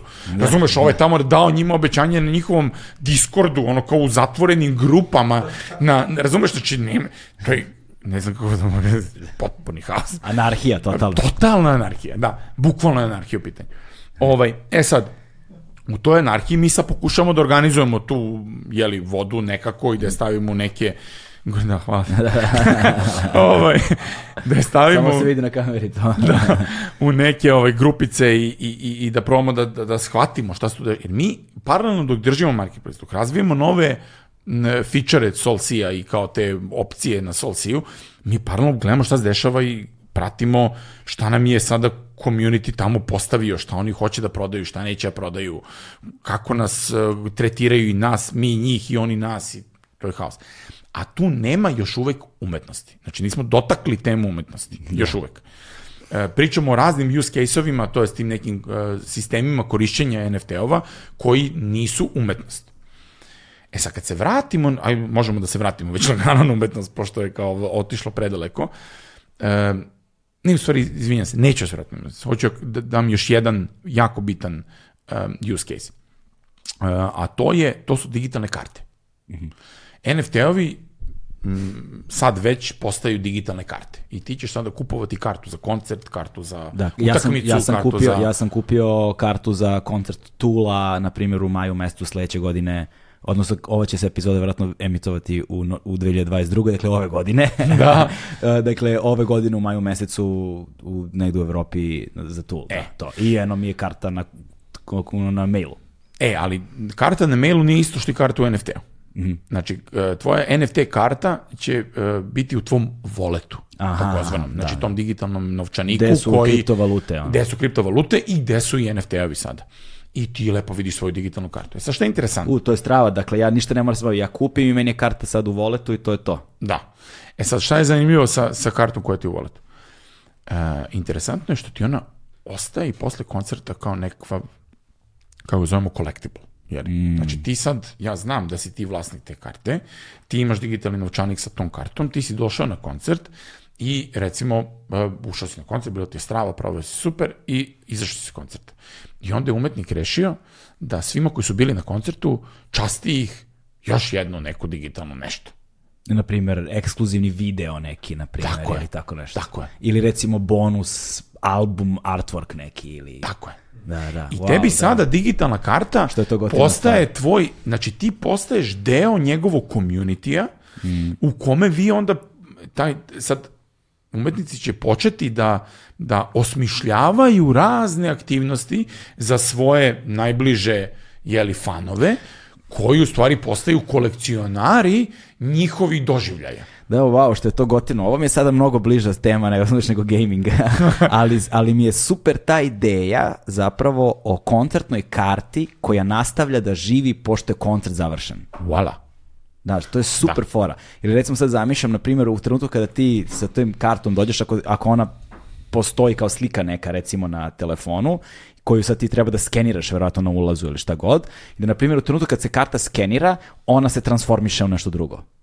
Tako. Na primjer, recimo, skenira se karta i transformiše se u jaje.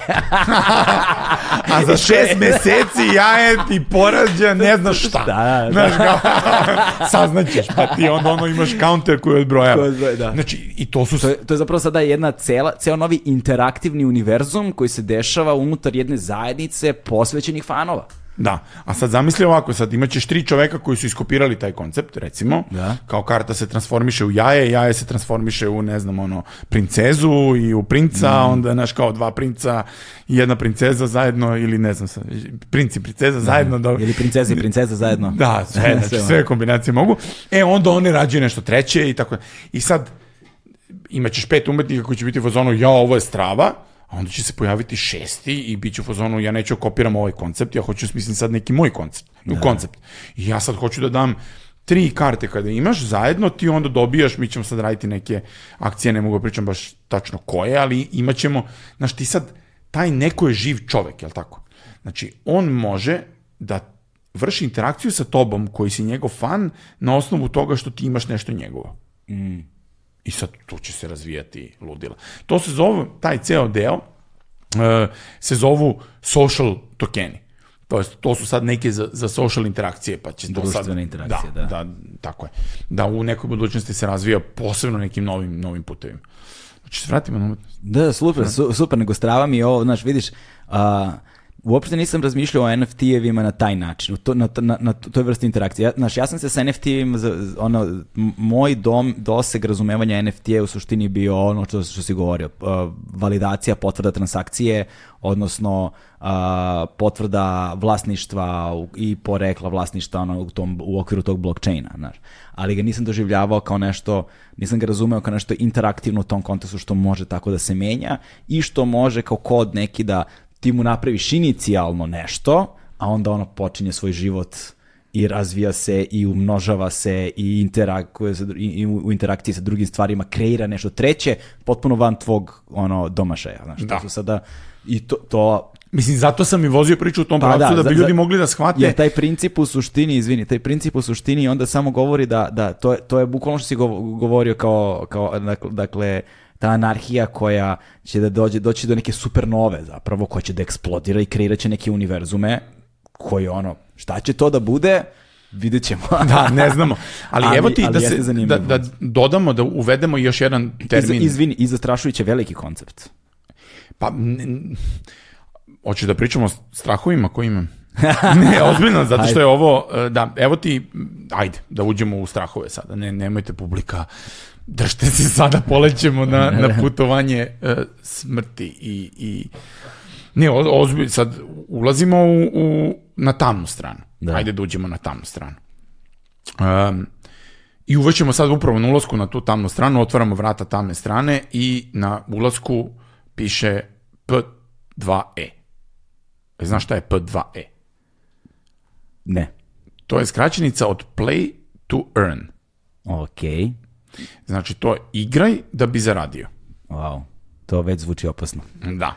I sad, šta Ko, je... Kockarnica mi prve padio na pamet, ono. Mm, gaming, Mm. Ono što smo pričali o igricama i o tome da neko možda proda svoj karakter i da prodaje svoje iteme i da u suštini zarađuje od toga kao tvoj prijatelj koji je ono ženu umilostivio onog momenta kada je zarad, mislim kad je ono što je radio i zaradio u stvari unovčio. Ovaj, um, tebi sada ceo taj sektor igrica sa uloskom NFT-ova i cele priče da si ti vlasnik svoje digitalne imovine postaju um, mesta na kojima ti možda zarađuješ novac.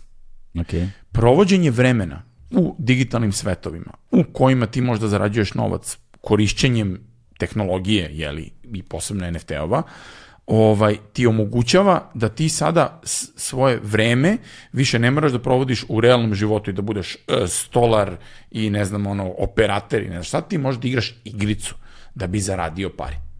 Mhm. Mm Spazi, sad, to, to kad si izgovorio sada zvuči kao moj dečački san. Znaš, ja se sećam kad sam bio klinac i kupovali smo svet kompjutera i, ovaj, i sećam se da sam, da, da sam sa drugarom jednim pokojnim, nažalost, ovaj, poginuo saobraćaj nesreći davno, ovaj, nas dvojica smo sedeli tako i čitamo jedan set kompjutera i onda on, on meni priča kako će on jednog dana, a ja sam kao isto to želeo, će jednog dana ovaj, da se zaposli u tako nekoj gaming ono, kompaniji i radit će na tom razvoju igrice i njegov posao će da bude da igra igrice za, za pare, znaš, kao to, da testira igrice, da igra igrice da. za pare, jer smo čitali o tim likovima u časopisima. Ali to stvarno postoji, mislim. Da, znam to, da postoji, to... čitali smo sve to kompjutera. da, tad je to bilo da, važno, da. Ove, e sad, šta je moment? Tebi neće trebati da te zaposli gaming kompanija da bi ti zarađivao para da igranje igrice. Ti sediš gajbi, igraš igricu i zarađuješ lovu. Kupuješ, prodaješ ajteme, ono, nalaziš ajteme, to kao rađaš dva jaja, tri jaja, daj ovo, da, daj da. ono. I ti u stvari zarađuješ novac. I sad, zašto je to tamna strana? Mislim, možemo da zamislimo samo našu decu koja više kao ne idu da trčkaju u parku, bacaju lopte, nego kao sede i... Već smo tu. Mislim, da, ve, tako je. Već smo tu. Ali nismo tu u ovom play to earn delu. Da. Znači, nismo tu u tome da oni zaista mogu da zarade više para od tebi i mene zajedno, time što će da sedi i da rokaju, razumeš, ono, NFT tržište i da kao kupuju i prodaju kao, ne znam, mačeve da. i, i strele, razumeš, za neke pare. Ovaj, a to, a tu smo sad, mislim, ulazimo u, u taj segment života. I e, šta se tu sad događa u, u, u toj transformaciji? Znači ti sad imaš klince koji jedini način na koji oni trenutno mogu da zarade pare je u stvari kroz YouTube. I mhm. tu imaš sad te youtubere klince koji sad ono igre igrice ili na Twitchu recimo, ne znam da, sad. Streamuju, streamuju igrice i kao tu. Međutim, u, u priči sa nekim klincima smo skontali da e, nisu svi za to. Znaš, ne, nisu, ima puno povučenih klinaca, ima puno klinaca koji nisu sad za kamerom, kao je sad ja tu kao hi guys, znaš, Da, da. nisam ja hi guys tip. Ovaj, a, a gledaju te druge klince koji kao uzimaju neke pare i sanjaju o tome da jednog trenutka oni mogu da sa svojih 12, 13, 14, 15 godina zarađuju novac od igranja igrica, jeli, koje i onako igraju ceo dan, tako da bi bili kao super sećeni da kao ne, nešto mogu i da zarade. Jebote koje ludilo, a? E, i sad kad oni budu krenuli da zarađuju kroz igranje igrica, a kao Sa to 15 je godina. sa 15 godina i zamisli se, ali pazi, ne zezam se, ti imaš sad recimo porodicu i lupam, u Srbiji i kao prosječna plata neka je 500, 600, 700 hiljada eura, nije bitno uopšte koliko. Sad 300, zamisli imaš, 300 evra, pre će biti 300, ali dobro, da.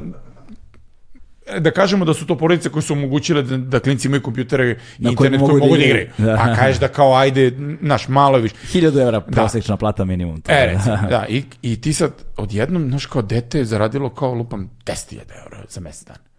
Čalik, evo, kao dete, kao, ne, ne, kao, tek sam počeo. kao, gamiraš.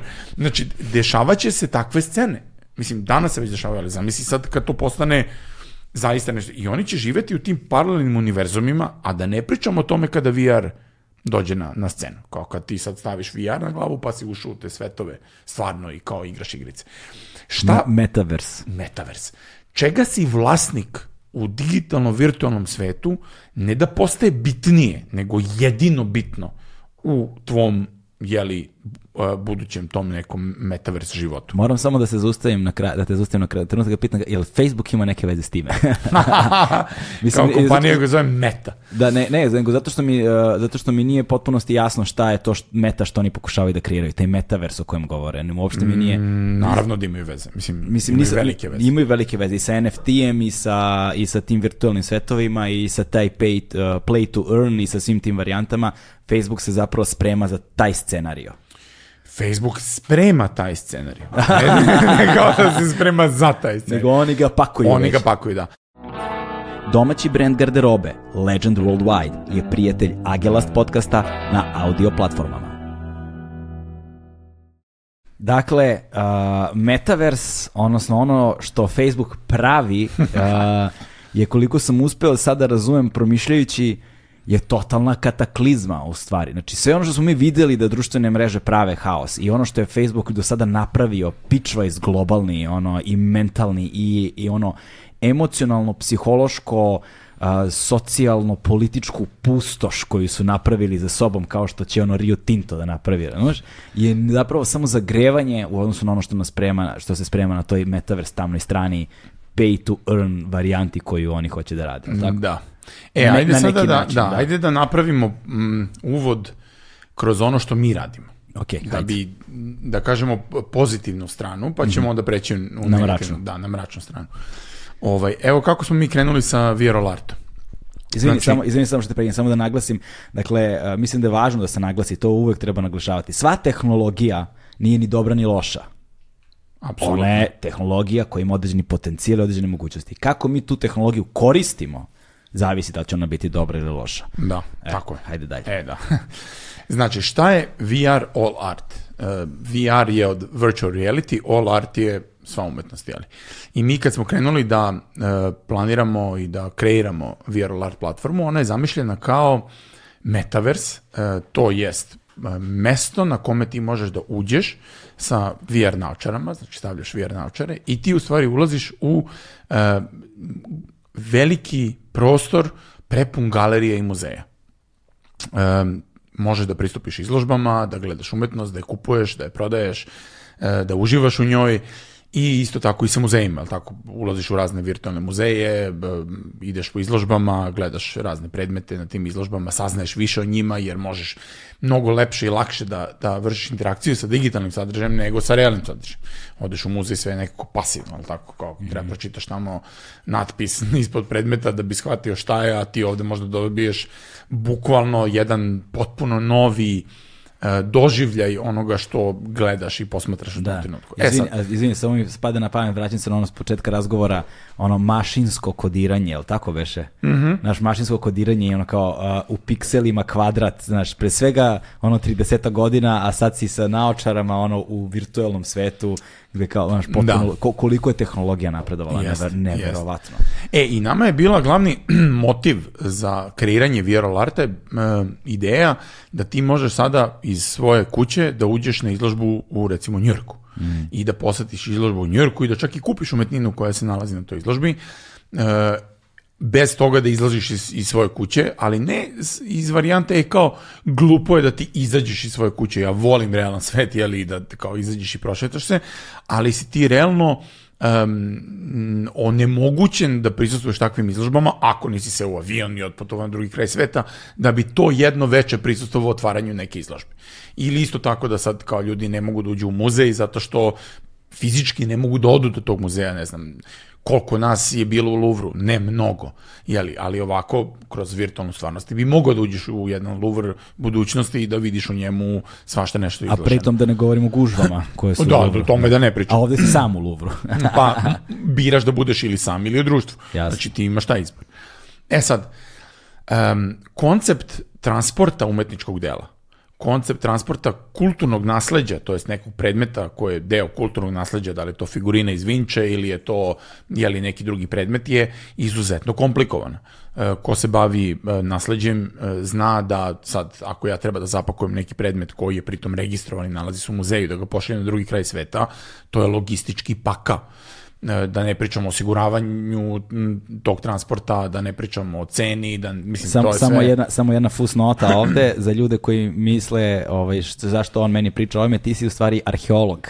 Da, ja sam, ja sam da, arheolog, nismo, da. Nismo, nismo to ono naglasili, ti si zapravo po vokaciji arheolog i, yes. i sve ovo ostalo. Da, pa tako, mislim i odatle dolazi i moja pasija za, za umetnošću i kulturom, tako da eto, to je interesantan okay. detalj. I sad, šta se tu dešava? Uh, E, ako mi imamo izložbe koje izgledaju kao prave, koje su fantastične, koje, koje ti omogućavaju da saznaš mnogo više i umetnosti i u kulturi, jeli, tako što sediš gajbi i da imaš VR headset na glavi, mi imamo upotrebu metaversa i tih tehnologija na jedan lep način jeli, na jedan koristan način.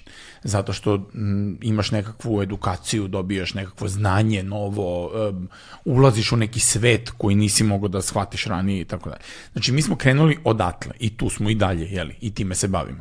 All Art, kao protokol uh, jeli, će na sebi da ima te proizvode kao što je Sol C i kao što je Viral Art. Pa ćemo imati i te neke druge proizvode. Jedan od njih, Viral Art, je u stvari metavers muzeja, galerija, izložbi umetnika, jeli, kolekcionara koji će prikazivati umetnička dela unutar tih metaversa.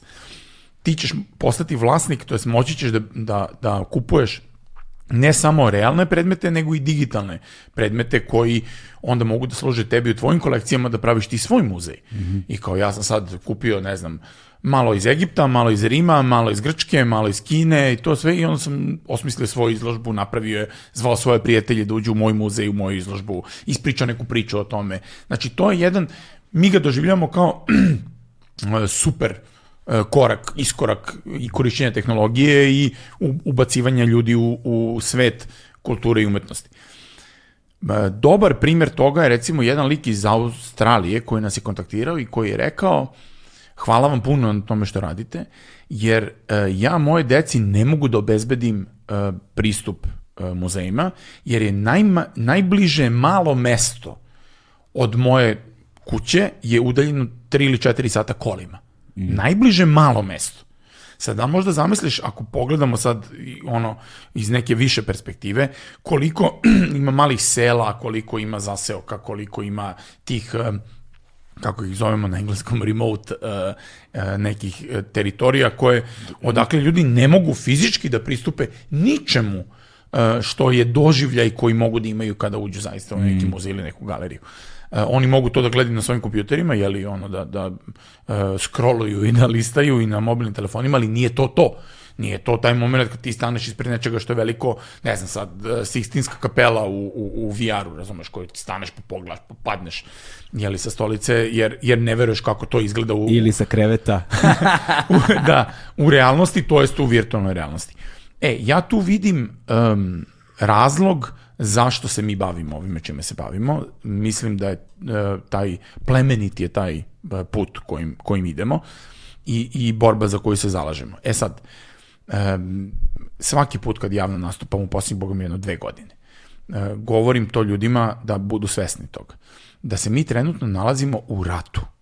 Znači mi smo trenutno, evo, dotakli smo tu temu, znači mi se nalazimo u jednom aktivnom ratu. Taj rat, kako ga ne opisujem, je rat za ljudsku pažnju. Hmm. I u tom ratu za ljudsku pažnju ti imaš razne sadržaje koji se bore jeli, da, za svoju dom, dominantnu poziciju u tom obračunu. E, najbanalniji primjer ti je mobilni telefon. I moment da ti sad, da li ti koristiš Instagram ili Twitter ili Facebook ili TikTok ili sad neku treću društvenu mrežu, ona oduzima tvoje vreme. Tvoje vreme postaje valuta. To je tvoje vreme postaje vrednost koju ti daješ nekome za uzvrat i on daje nekakav sadržaj. Šta je taj sadržaj? Je u stvari tema tog obračuna. Mm. I mislim da je uh, borba za kvalitetan sadržaj ono što bi trebali da radimo svi mi i da se trudimo, kao što i ti praviš ovaj podcast, da bi on bio kvalitetan, dovodiš kvalitetne, jeli ne dovodiš ono, ne znam, dovodiš ono folk, pop zvezde, da ti pričaju o svojim intimnim detaljima života. Uglavnom, hoću kažem, uh, naš zadatak je da pravimo kvalitetne sadržaje, da u toj borbi za ljudsku pažnju, ako već je neko posvetio vreme da uđe u sadržaj neki, digitalni, da taj sadržaj mu donese neku vrednost, neku novu informaciju, neko znanje, neki uvid novi da mu otvori um, jeli? E, međutim, šta nam je konkurencija u tom sadržaju? Konkurencija u tom sadržaju su nam raznorazni junk sadržaj, to jest nekakve jeli, primitivne forme E, ljudskog ponašanja pre svega, e, kojima smo mi zatrpani. I borba u, u, u sadržaju je ono što će činiti budućnost civilizacije. Ona već sad čini to, ali će tek činiti koliko mi vremena provodimo gledajući nekakav reality show u kome se oni tamo ono kao vole, tuku, biju, ne znam šta se dešava i koliko ćemo gledati određeni muzej ili određenu izložbu ili razmišljati o stvaralaštvu određenog umetnika je upravo ono što će definisati razvoj i put celog društva koje nas jeli, čini ovim što jesmo. Nisam siguran da ćemo pobediti u kvalitetnim sadržajima, ali... Mislim, taj rat već polako gubimo, ono. Mislim, e, ne. to je sad recimo interesantna tema. Zašto? Zato što se sada kreiraju početne pozicije za metaverse. Mm -hmm. To je sad trenutak. Trenutno je to. Jeste. I ti sada imaš razne kompanije koje se bave razvojem sadržaja za metaverse i imaš sada ovaj deo koji se bavi kulturom, edukacijom, umetnošću i sličnim stvarima koji ulazi u, u, u, taj, u to polje mislim da e, radnici u kulturi nisu svesni izazova koji ih čeka i činjenice da njihovi sadržaj koji prave moraju da budu atraktivni isto koliko, ako ne i atraktivniji, e, drugim sadržajima koje druge velike firme prave, koji su recimo gaming. Mm. I kao klinac će sad pre da igra igricu neku, jeli, dan, noć, dan, noć, da bi za osvojio mač i ne znam štit, nego što će da ide na izložbu i da gleda određenu sliku. E, vratimo se na priču o NFT-ovima, pa ćemo onda ići u, u, u pravcu Facebooka i Metaversa. Um, NFT-ovi mogu možda da nam pomognu u toj borbi. Zašto? Zato što će ljudi početi da se bave kolekcionarstvom i skupljanjem umetnosti, sličica, kulturnih predmeta, objekata, kao vrstom igranja igre, te igre, u kojoj će oni imati svoje mesto. Mm -hmm. Ljudi će imati svoje mesto. I predmeti će imati svoje mesto. Tako da je pred nama užasno veliki izazov. Užasno veliki izazov.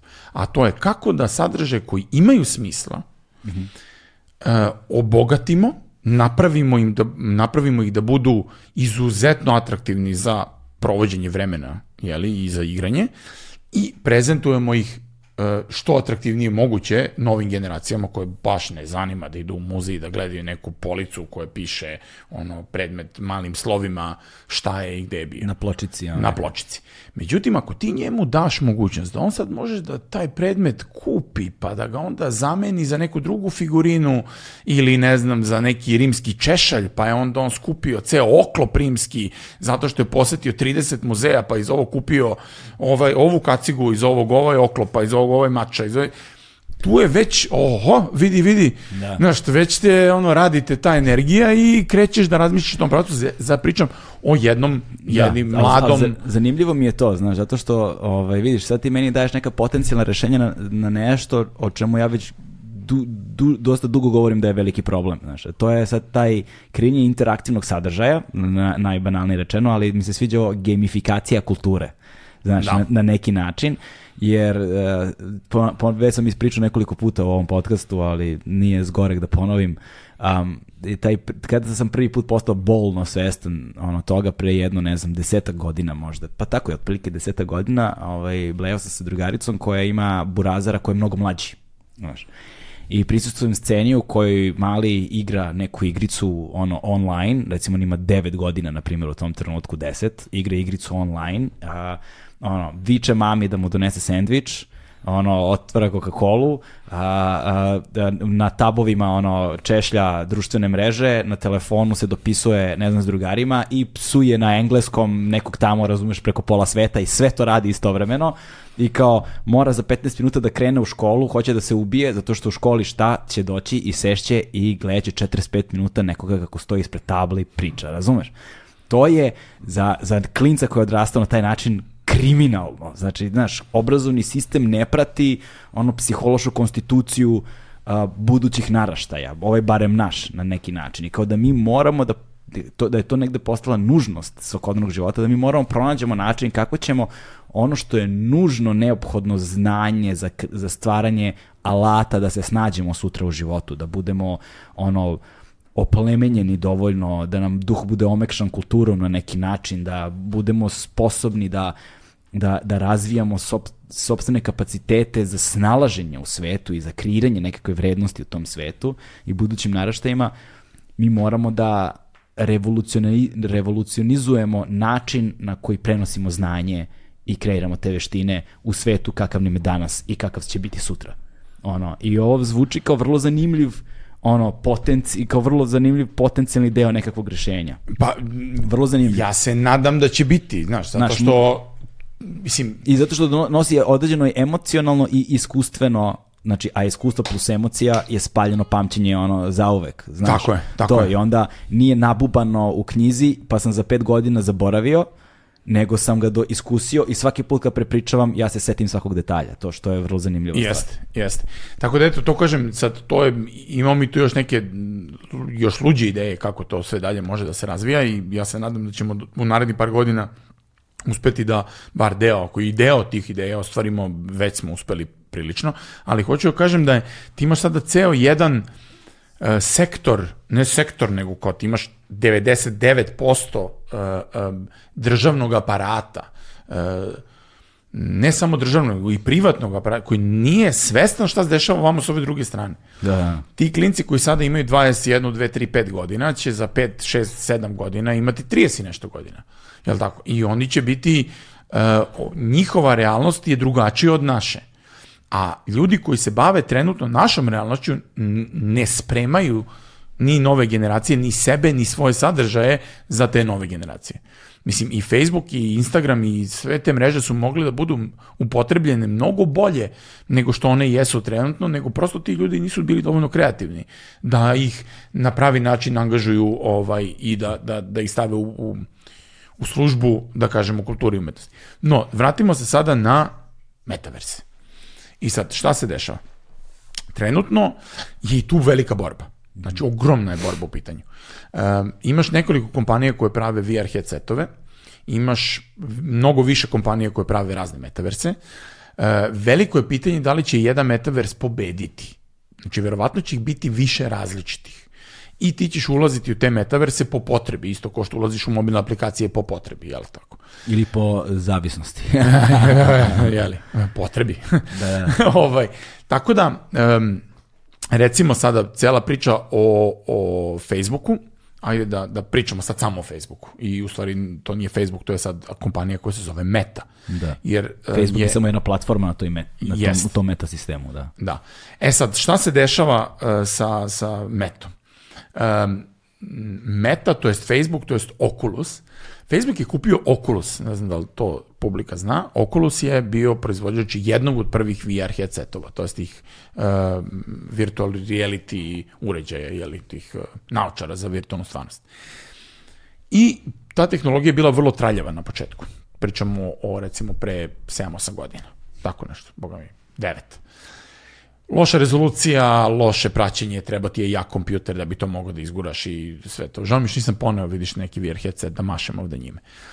U poslednjih 5-6 godina ta tehnologija je toliko napredovala da ti sada imaš uh, Oculus Quest 2, konkretno uređaj, koji ti je, evo ove veličine, znači te veličine. Za one koji samo slušaju, da. otprilike 20 cm sa 10 cm. Sa 10 cm puta 5 cm. Da, da, da. Ovaj, I uh, nema kabel, E, nema kompjuter, sve je u njemu, znači kao jedan napredni mobilni telefon koji ti stavljaš na glavu i ulaziš u virtualnu stvarnost. I mi smo našu platformu Viral Art između ostalog gradili za uh, Oculus uh, headset. I šta se sad tu dešava? Dešava se to da je ona jeftina, da je ta tehnologija sada postala mnogo jeftinija od mobilnog telefona, naprednog mobilnog telefona. Facebook prodaje uh, Oculus headset, ja mislim, tipa za 300 dolara. Što je ako dosta, dosta jeftino. Da. E, I sad, šta je interesantno? Isto da dodam. Facebook sa svojim Oculus headsetom ga subvencioniše. Srpska reč.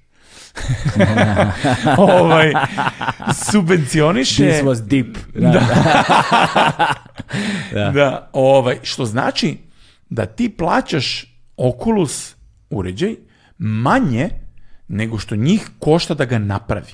Znači, Aha. njih proizvodnja Oculus headseta košta više nego što ti ga tebi naplate. Sad, šta to znači u biznis strategiji Facebooka? Zašto će on da ti proda nešto e, jeftinije nego što njega fizički košta da ga napravi. Čipovi unutra koštaju više, ono, da ga spojiš košta jasne, više, jasne. da ga transportuješ košta više i tako Zato što hoće da ti ulaziš u metaverse svetove, u virtualnu stvarnost, kroz njihov uređaj. Mm. Znači, hoće da ti kupiš njihov uređaj i da onda ulaziš u njihov metavers. Oni se zapravo pozicioniraju na tržištu Tako i hoće je. da budu primarni i dominantni. Tako je. Vrlo jednom, mogli bi reći, prljavom igrom. Da, da, da. Zato što to mogu sebi da priošte. Mm. Jeli, imaju te milijarde i milijarde i milijarde to je taj kojima... monopolizam. Da. Monopolizam, tako je. I onda oni tu rokaju i jeli, prodaju uređaje jeftinije i um, ti uređaji postaju um, dostupni širokom broju ljudi. I to je njihova strategija. Znači, Facebookova strategija je sledeća. Hoću da prodam uređaj, hoću da ljudi ulaze u virtualnu stvarnost kroz moj uređaj, ja kontrolišem sadržaj na mom uređaju, ja kontrolišem šta se dešava u njemu i imam 2 milijarde, 2 milijarde korisnika Facebooka koji će sada lagano da budu jeli, prebacivani u te metaverse i te virtualne stvarnosti. Oni za to vreme naravno razvijaju nove uređaje, jeftinije i bolje i kvalitetnije i manje i lakše da, i da. tako dalje. Konkurencija radi isto relativno brzo, međutim i dalje, nažalost, Facebookov uređaj je najbolji na tržištu trenutno. E, I sad, šta se dešava sa metaversima? Dešava se to da Facebook je kompanija, jedna kompanija koja drži svoj sistem, svoj softver, svoju hardware i primoravate da koristiš njegov sistem i njegov hardware. Kao što imaš Apple uređaje koji imaju Apple operativni sistem i Apple kontroliše ceo svoj ekosistem aplikacija i jeli, svega što se dešava na, na Apple. Paralelno sa time se razvija i Android. To jest, imaš drugu konkurenciju koja pravi svoje VR headsetove i trudi se da, da. omogući mnogo otvoreniji pristup e, korisnicima nego što to Facebook radi. Ko će pobediti, ne znamo. Ali ono što je interesantno sa NFT-ovima koji ulaze u cijelu priču je činjenica kao što smo pričali na početku, da NFT predstavlja registraciju digitalnog objekta i realnog objekta, ali kažemo digitalnog objekta, koji može da se prebacuje iz jedne aplikacije u drugu. Mm -hmm. Samim tim, digitalni objekat prezentovan kroz NFT potencijalno može da putuje kroz metaverse, kroz različite metaverse. Da li će Facebook to omogućiti ili neće, ne znamo. Znači, da li će ti dati mogućnost da u njihovim metaversima ti koristiš NFT-ove koji su kreirani negde levo i da oni postaju deo tih aplikacija, to ne znamo. Pazi, znaš kako, u početku možda će svi on odbijati to jer svako želi zatvoren sistem za sebe, naravno da sva lova bude zgrnuta s njihove strane, sva kontrola i sva moć bude zajednička i njihova, ali mislim da će tržišne potrebe vremenom preovladati i da će određene stvari kao što su NFT-vi morati da se standardizuju i da budu kao, kao što na primjer na Androidima imaš ono da ti je isti punjač za svaki model telefona i to polako sada počinje, mislim da to sada i Apple počinje da uvodi isto da ti je ono, u stvari već imaju, ne znam, da sta, novi modeli mogu da koriste stare punjače, ti sad već to imaš, a ti to ranije nisi mogao da imaš, zato što je prosto tržišna nužnost takva sa, sa što je veći broj korisnika. Biće potrebe Tu će biti opet standardizacija neka. Da, Biće borba, ali standardizacija borba će neminovno. Se, da, svoditi na to da li sadržaj koje smo NFT-izovali uh, su se dovoljno umnožili i dovoljno ih ima pro, prosto je pritisak dovoljno veliki da oni moraju da prihvate to. Da, da, da. E, sad, kažem opet, ne znam. Mi koristimo trenutno dva uređaja, koristimo uh, Oculus Quest i koristimo um, Vive Focus 3, nebitno. Ovaj, za publiku verovatno ništa ne znači, ali interesantno je za Vive Focus 3 da... Zato one što sam vidio kod tebe u kancelariji bele, one na stolu. Ne, ne, to je, to je Oculus Quest. A to je, pa to da. je baš malo čoveče. Malo je. Wow, jebote, da, da. E sad, ovaj drugi uređaj koji je uh, Focus 3 je interesantan zato što uh, firma HTC u tržišnoj borbi sa Facebookom, iako prodaje mnogo skuplji uređaj, ne mogu da ga prodaju jeftinije, ti daje druge mogućnosti. A koja je cena skupljih uređaja, odnosno odno posle... 1200-300 eura. Ujebote, čekaj, ovi prodaju za tri glave, ovi prodaju za ono soma i po. Da, da. Majko, čoveč. Da. Ova, I sad recimo šta je interesantno sa, sa Fokusom je što nam omogućava da kreiramo prvo potpuno slobodno sadržaje, znači oni nemaju problem NFT, NFT, da li je to blockchain, nije blockchain, šta god hoćeš, možeš da staviš na njih, a interesantno je isto što ti omogućavaju da uređaj staviš u takozvani kiosk mod. E sad šta je kiosk mod? To ti je mod u kome se samo tvoja aplikacija nalazi na tom uređaju. I kad startuješ uređaj, startuje se tvoja aplikacija. Odmah. Nema menija, nema izbora aplikacije, nema ničeg. Samo tvoja aplikacija je na tom uređaju. To nama kao firmi omogućava da, recimo sad, da spakujemo VRL art na hiljadu uređaja i da ih pošaljemo na hiljadu strana i ljudi kad koriste taj uređaj, oni imaju samo VRL art i ulaze u taj metaverse galerije muzeja bez potrebe da imaju meni, da izaberu aplikaciju, da imaju konkurenciju u aplikacijama i slično. Ima još firmi koje rade VR uređaje i sigurno će se to, to tržište dalje razvijati, ali cilj svih tih firmi i uopšte uređaja koji, koji dolaze je da nas sa mobilnih telefona pomere u te neke virtualne stvarnosti. E sad, kad smo kod toga, pričamo mobilni telefon i nova generacija uređaja koju ćemo imati, moramo da, da ubacimo i augmented reality. E sad, augmented reality ti je pojam koji je naj fluidniji od svih. E, zašto? Zato što ti augmented reality podrazumevaš nekoliko različitih pojmova. I sad re, reći ću sva tri najpopularnija trenutna. Jedno je augmented reality, drugo je mixed reality, treće je extended reality. No, brate, ono, a, a ovo rec... nema nikakve veze sa virtual reality. Jer evo ti šta je sad e, razlika. Razlika ti Mislim, u tome što... Kako bismo preveli augmented reality, izmenjena stvarnost na neki način. Mm, da, ali da, da, da ekstendovana stvarnost, mislim ima tu raznih. Da, produžena stvarnost, da. produžena oni, ruka stvarnosti. oni koji, koji uh, znaju šta je augmented reality, najčešće se trenutno augmented reality koristi kao pojam da ti kroz mobilnu kameru telefona gledaš nešto što ima neki dodatni sadržaj na sebi. Pa imaš sad razne one... Primer, primer radi recimo Pokemon Go. Tako je. Pokemon Go, kao pojaviti se mali ono lik neki virtualni koji ti sad tu skače po sobi, ti ga gledaš kroz mobilni telefon, ono malo kuće virtualno skače po tvojoj sobi kao a nema ga u realnosti. Tako je. Ili recimo maske za aplikacije kad ti sad on imaš selfie, pa onda efekti na tvojom, na tvom licu, pa ti izađu uši, no. pa ti ne znam. Ovi filteri na Instagramu filteri, i to, e, da. Jeste. To ti je sve augmented reality. Okay. Augmented reality ti je u suštini sadržaj koji kroz kameru mobilnog telefona ili kameru kao takvu dodaje dodatni virtualni sadržaj preko onoga što kamera vidi. Mm -hmm. E sad, mixed reality i extended reality je nešto drugo. A to je moment da ti nosiš naočare, jeli? I da se tebi sad odjednom hologrami pojavljuju oko tebe. Kao na pečurkama. Kao ne bih znao reći. Ovaj, uglavnom... Ajde, ajde, umetniče moj. Da, da, da. Ovaj, e, uglavnom, znači, pojavljuju se predmeti razni oko tebe, virtualni, i ti sada u stvari ideš kroz tu miksovanu stvarno sa virtualnom stvarno. Znači imamo klipova na YouTube-u koji tu kao nešto eksperimentišu sa time kako će budućnost izgledati kad budemo nosili te naučare. Ovaj, I to je sad taj neki među uh, segment između virtualne stvarnosti u kojoj si ti u potpuno zamenjenom uh, okruženju i nečega što je naš realan život preklopljen sa virtualnim sadržajem. Hmm. Apple bi trebao da izađe sa svojim mixed reality naučarama ove godine. To jest, pošto će ovo biti emitovano 2022. Navodno, navodno, on to već godinama najavljuju, ali izgleda da će 2022. da se, da Apple izađe sa svojim mixed reality naučarama. Pretpostavljamo da će te naučare biti dovoljno dobre da mogu, kao što je Oculus Quest napravio najbolji iskorak u virtualnoj stvarnosti, da će ove naučare napraviti najbolji iskorak, iskorak u toj mixed reality mm -hmm. tehnologiji.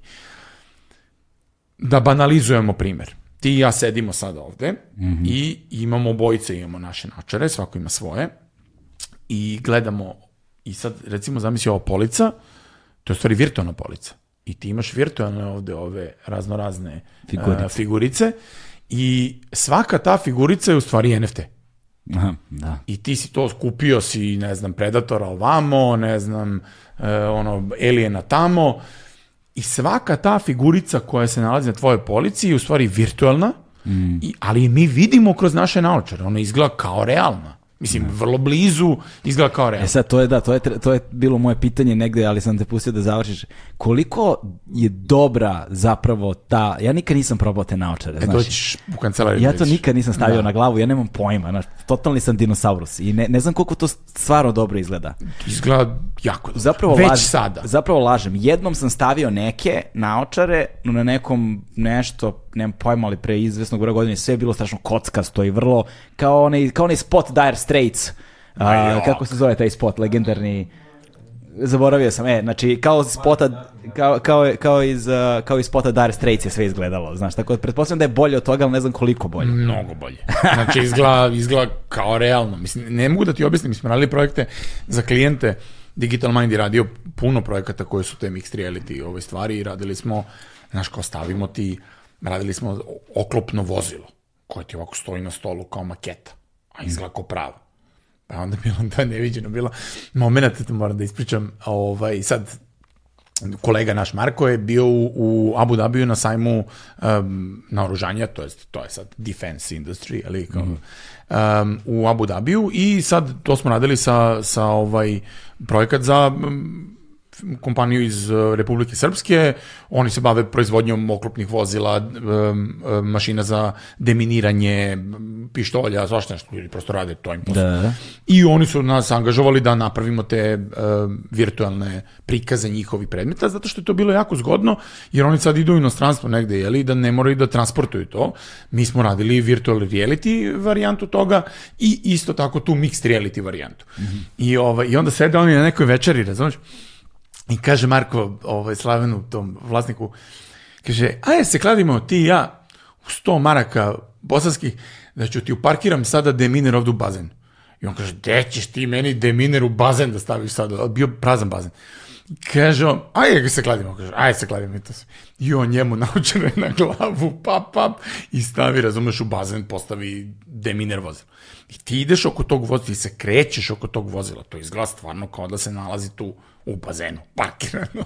Ali čekaj, sad samo, samo, samo mi treba pojašnjenje. Dakle, ti staviš naočare i tu je recimo taj bazen ovaj, i ti fizički ustaješ sa naočarama. Ti se krećeš, slobodno. Ti, ti ono, znači, zato što ti kroz te naočare vidiš sve ono kako jeste. Dakle, neću udariti nogom u sto ili je. glavom u zid. Ono, tako znaš, je. Nego idem kroz prostor kakav jeste. I naočare taj prostor ne menjaju. Taj prostor je potpuno stvaran.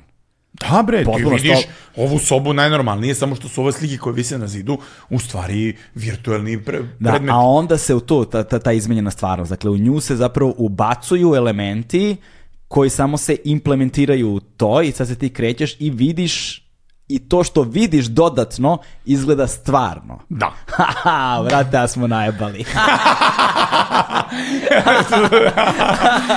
Jo, bra, znači, a smo, naj, ne preti nama samo ekološka katastrofa, ja da ti kažem, ono, Da. a u čoveč. E, i sad, gde je sad kvaka u celoj toj priči, a to je ko će na neki način voditi te digitalne svetove. A sad zamisli još u celoj toj priči gamifikaciju, to jest pravljenje mehanika, zabavnih mehanika koje okru, gde je sad to virtualno okruženje koje je oko tebe, ima i nekakvu igrivost. To jest ima neku mogućnost da ti vršiš interakciju i da nešto tu sad osvajaš, kao napreduješ, ne. Zamisli, brate, pornografija naša će da liči, brate, u tome. Slušaj, Mislim, a? gledao sam. Ua, stvarno, brate. Da, da. Šta ja ćeš da pričam, a? Pa- E, ali moram da vam ispričamo, ajde. Ajde, za- ajde, ajde, ajde, da čujem, da čujem. Ovo je sa slabijim srcem nekoga sa kamere, znaš kao. Evo vidi ovako. Krene virtualna stvarnost i pornografija. I svi, znaš kako su svi pričali kao internet je, do, ono, razvoj interneta i u stvari pornografski sadržaj su do, doveli do toga. I sad kao svaki normalan dečak, muškarac, zainteresovan za pornografiju u dubini svoje duše i bića, razumeš? Ja sam rešio da pogledam te VR klipove. I skinem ja sa interneta nešto ovaj tih jako malo je bilo tu sadržaja za to recimo pre ne znam 4-5 godina nije bitno I ovaj, ali imali smo, tad su bili mobilni telefoni koji se stavio u, u, u Samsung imao ovaj, svoju verziju tog nekog Samsung Gear VR se zvao. Nebitno, uglavnom uspem ja to sve da organizujem i da nabavim te klipove i to sve i pustim ja prvi pornić. Razumeš sa VR naočarama. Gledam je ono, razumeš, i budem u fazonu, jebate, kakva priča, razumeš, ovo je, ovo će da promeni svet Da. Bukvalno sam bio u fazonu gotovo. Znači sve ono što smo mi znali ranije i o seksualnosti, i o pornografiji, i o odnosima i sve, rekao gotovo. To mi je bilo prvo gledanje, sam bio u fazonu, to je to. Drugo gledanje. Šta je bilo i drugo gledanje? Brate, čekaj, stignu do 15. gledanja. da, ovaj, 15. gledanje je učestvovanje, brate. E, tu smo, da sad doćemo do toga, doćemo. Ovaj, drugo gledanje je interesantno bilo zato što sam drugi put bio u fazonu već, tad sam, po- drugi put sam pomislio, promenit će se uh, veze, ljudi, uh, promenit će se način na koji ti se ophodiš sa svojim partnerom, promenit će se sve što ima veze sa međuljudskim odnosima će se promeniti zbog zbog Jebote, i pornografije. VR. Znaš šta mi se palo? Jel, jel to Demolition Man film, a? Sa Stalloneom, jel tako? Jel to, jel to Demolition Man, ono kad sede pa stave kao headset neki na glavu pa imaju seks njih dvoja, nisu... Jebote, jel to Demolition Man? Ne mogu da se setim, brat. Nije, A bre, to nije. je Total Recall. Jel total... Ne, ne znam. Ja mislim da je sa Stalloneom. Ili, je, ili nije Judge Dredd. Ne, Judge Dredd nije. Ne, ne, ne, ne. A, ja mislim da je Demoli... Jebote, može Demolition Man. Pogledat ćemo, google. A, ajde googlaj, brate, ti dok mi pričamo ovde. E, uglavnom mi sad šta se deša? Treće gledanje. Sam se toliko smorio. Nikad više nisam stavio VR na glavu sa prnećem. Sad pitaš, ko, ko, čekaj sad, za nisi malo pre pričao da je Da, kao da, ludila da. bila. Pa vrate, dosadno je. Verovali ili ne, dosadno je. Dosadno iz nekoliko razloga. Jedan je što kao ti kad realno odeš na neki porno sajt, jeli da Da. provedeš neko vreme tu, da, da se Da se, opustiš, da se edukuješ. da se edukuješ, opustiš, ovaj, ti onako nas scrollaš to, klikneš, promeniš klip, daj sad ovaj, daj sad onaj, daj ovo, mi Mhm. se ne sviđa ono. Ti ovde nemaš tu mogućnost, razumeš? Ti nemaš mogućnost da brzo menjaš klipove, da se prebacuje, još uvek. Da, da. Nemaš. Ali bit će, nema greške to, znaš. E vidi, uh, verovali ili ne, dosadno je. Da. I sad, ja ne znam da li, pra, prateći kako je to krenulo, e, pošto su ti sadržaji krenuli da se pojavljuju, pa je onda posle toga to kao bilo, to će biti sledeći hype, međutim to je nešto utihnulo. Mm. Toga nema toliko. Mislim, VR postoji, evo kažem ti, ja sam to gledao pre 3-4 godine. Ali ono put. što mislim, ali ono što mislim da će, da će u tim metaversima zapravo da bude, znaš, ta seksualna komponenta kao dodatak ono E. boravka u tom prostoru, znaš, uzemnog muvanja. To je sada druga priča. Da. I sad više ne pričamo znači o pasivnim sadržajima koji su unapred snimljeni i pripremljeni da ti budeš sada da se istripuješ da si ti tamo, nego pričam o aktivnom učestvovanju u takvim sadržajima, to i te kako da. I tada, kad sam završio sa gledanjem tih klipova, bio sam u fazonu, ovo ništa, prema onome što nas u stvari čeka, a to je moment kada mi budemo vršili interakciju. Jer ovo je dosadno i kao besmisleno, u jednom trenutku skapiraš, a onda skapiraš da u stvari je moment kada ja budem imao ulogu u tome, je moment kada će se stvari promeniti verovatno. Brate, e, a koliko... sad slušaj ovo, slušaj. Ajde, slušam. to se već dešava. Znači, da, da. ti imaš sada te neke platforme koje su pornografskog, da kažemo, sadržaja. Međutim, imaš i platforme koje nemaju nikakve veze s pornografijom koje su ti VR chatovi, mm -hmm. naj, najpoznatiji uh, metaverse trenutno u kome ljudi zaista provode vreme se zove VR chat i tu ljudi ulaze u kao te prostore, oni mogu da uploaduju svog avatara. Znači ti možda po, ono, uzmeš 3D model nekog avatara i da ga NFT, uploaduješ. NFT model, ti kupiš sve purchase ovo e, ono. I onda uđeš sklopiš. tamo i tako je. I, uh, Sklopiš idealnu verziju sebe. Čitao sam neke tekstove o tome gde su ljudi m, prebacivali polove unutar VR prostora, saznavali da su, ne znam, ono, bi ili gej ili ovo ili ono, zato što su sa druge strane vršili interakciju sa ljudskim bićem, a ne sa osobom u svom izgledu u prirodi. Mm -hmm. Razumeš, on je imao odnos sa nekim e, kao, kao ljudskim bićem, jeli, o, osobom, ali bez, bespolna osoba. Te kasnije saznajući da je to osoba istog pola.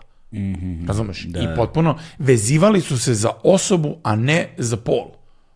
Aha, okay, I vršili su, mislim, to, to su totalno ti da vidiš šta se dešavalo u, u tim virtualnim stvarnostima, to je potpuni ono, i sad ja ne znam da li to dobro ili loše, ja ne znam da li to treba da, da podržimo ili treba da, da kao zabranimo, ja Ali znaš nemam kako? ideju. On, ono, što, ono što negde ja vidim, jednom uvedeno, neće sada nestati.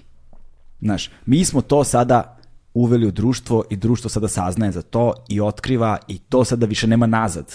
Znaš, nema rikverca na autoputu.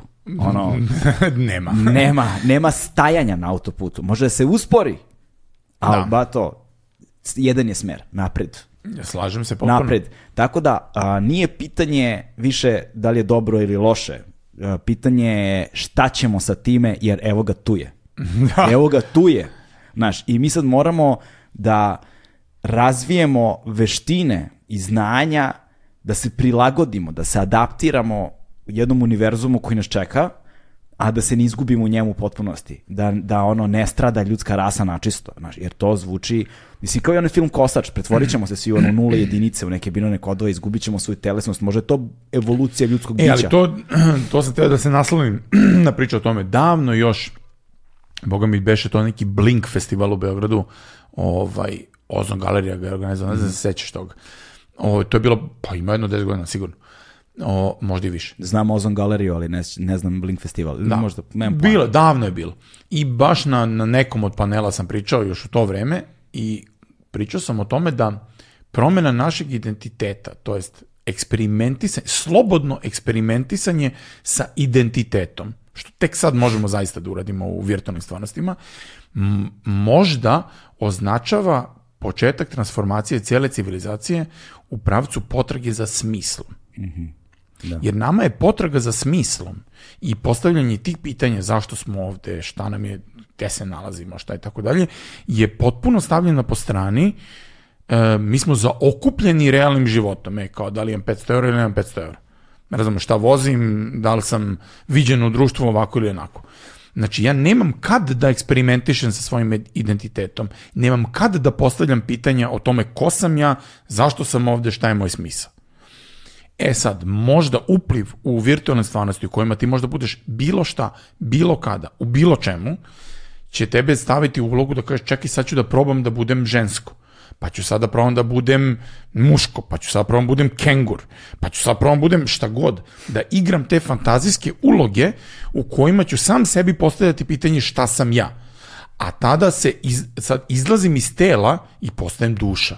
Mislim duša, jeli, kao, postajem neko van telesno biće koje postavlja ta pitanja van um, ograničenja realnog i virtualnog prostora. E sad, da li će ta pitanja koja se postave dovesti do odgovora? Ne znam. Jeli? Ali, hoću kažem, možda će doći do onog globalnog uh, ekstaze neke i neke potpune nove dimenzije u koje će ljudi biti u fazonu, aha, pa kao u stvari ova realnost nije realnost, mi smo u Matrixu, aha, jer smo u Matrixu, mi smo šta, gde smo? Ne, ma, Matrix je vrlo realan. pa mislim... Mislim, znaš, ono, a, zapravo ne samo što se Matrix pokazuje kao proročki film, nego gomila nekih stvari se vraća na ono, nema ničega u stvarnosti čega nije prvo bilo, prvo, ne, nema ničega u ljudskoj zamisli čega prvobitno nije bilo u ljudskom iskustvu.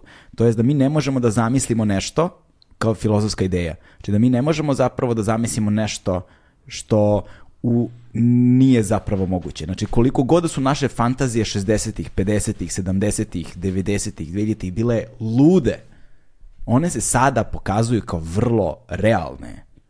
Znaš, zato što naši kapaciteti da razumemo stvari pretpostavljaju samo kapacitete da razumemo unutar onoga što je zaista moguće da stvorimo. Tako da, znaš, možda je naš koncept Boga u tom smislu zapravo jedan vrlo zanimljiv koncept za dekonstruisanje kada posmatramo ove stvari. Apsolutno. Mislim, razum, razum, ne, ne, ne, mogli bi mi sad još tri sata pričamo o nekim ovim da, idejama. Ali, kako bi... ali ovo mi je strašno zanimljivo, to je toliko radikalno drugačije. Znaš, mi nemamo prethodna civilizacijska iskustva koje mogu da nas pripreme na ovo, osim mašte. Da. Jedina stvar koja je nas mogla da pripremi na ovo je mašta i umetnost, ništa ja drugo. Ja čak mislim da m, ja ne znam ni za jedan film koji je obradio ovo što mi danas živimo. Ja mislim da živ, mi živimo u cyberpunku ozbiljnom, da. koji ni, ni jedan film nije mogao da na taj način pre. Posebno ne ono što nas čeka već za, za par godina. Mislim, im, bilo je pokušaja, ali ni blizu toga da kao da je neko mogao pre 20 godina ti kaže da će sedi za mobilnim telefonom i da li, da li si imao 30 lajkova ili 50 lajkova će ti nešto značiti u životu. Razumeš? A to, nekome to znači sad ceo život mu u tome da li ima 2 ili 20 lajkova. Bukvalno. A da ne pričam sad o tim virtualnim svetovima i o tome da kao je, znaš, kao ne mogu da idem na posao, jer sam u stvari sa ekipom od 50 ljudi u VR-u i imamo žurku. Trenutno. Da, da. A kao skupili smo se sa svih strana sveta. Tako da je ovaj, kažem, ne, ne, nemam, da se vratimo mi na... Ima, ova, ima ovaj film, kako zove, Ready Player One. A se tako da, zove? Da, da, da. Ready Player One je to, brat. Pa, delimično. Delimično. Jeste, brate, Ready Pa mislim, da, zato što je više um, je po, postavljen kroz igricu. A, da, da. Mislim, ova realnost virtualna je ali, mnogo više Ali od... i multivers, i metavers, i svašta je nešto. Da, jeste kroz igricu, konkretno, znaš, raspo bi se film da nije odabran jedan narativ u njemu. da, da, da, da. ali, ali, ali to, da, on je tu, čoveč. Da. Tako da, kažem, da se možda da, vratimo sada na NFT-ove nazad, pa da ih uklopimo u, u celu priču o metaversima. Pričamo sada o NFT-u kao osnovi registracije vrednosti i mogućnosti da se ta vrednost prebacuje sa jedne osobe, a možda i ne osobe, nego entiteta, jer kao vrednost može da bude sad, mislim, e, preneta i na kao kompaniju, firmu, šta ti ja znam, jer kao kolekcionar je firma, nije individua.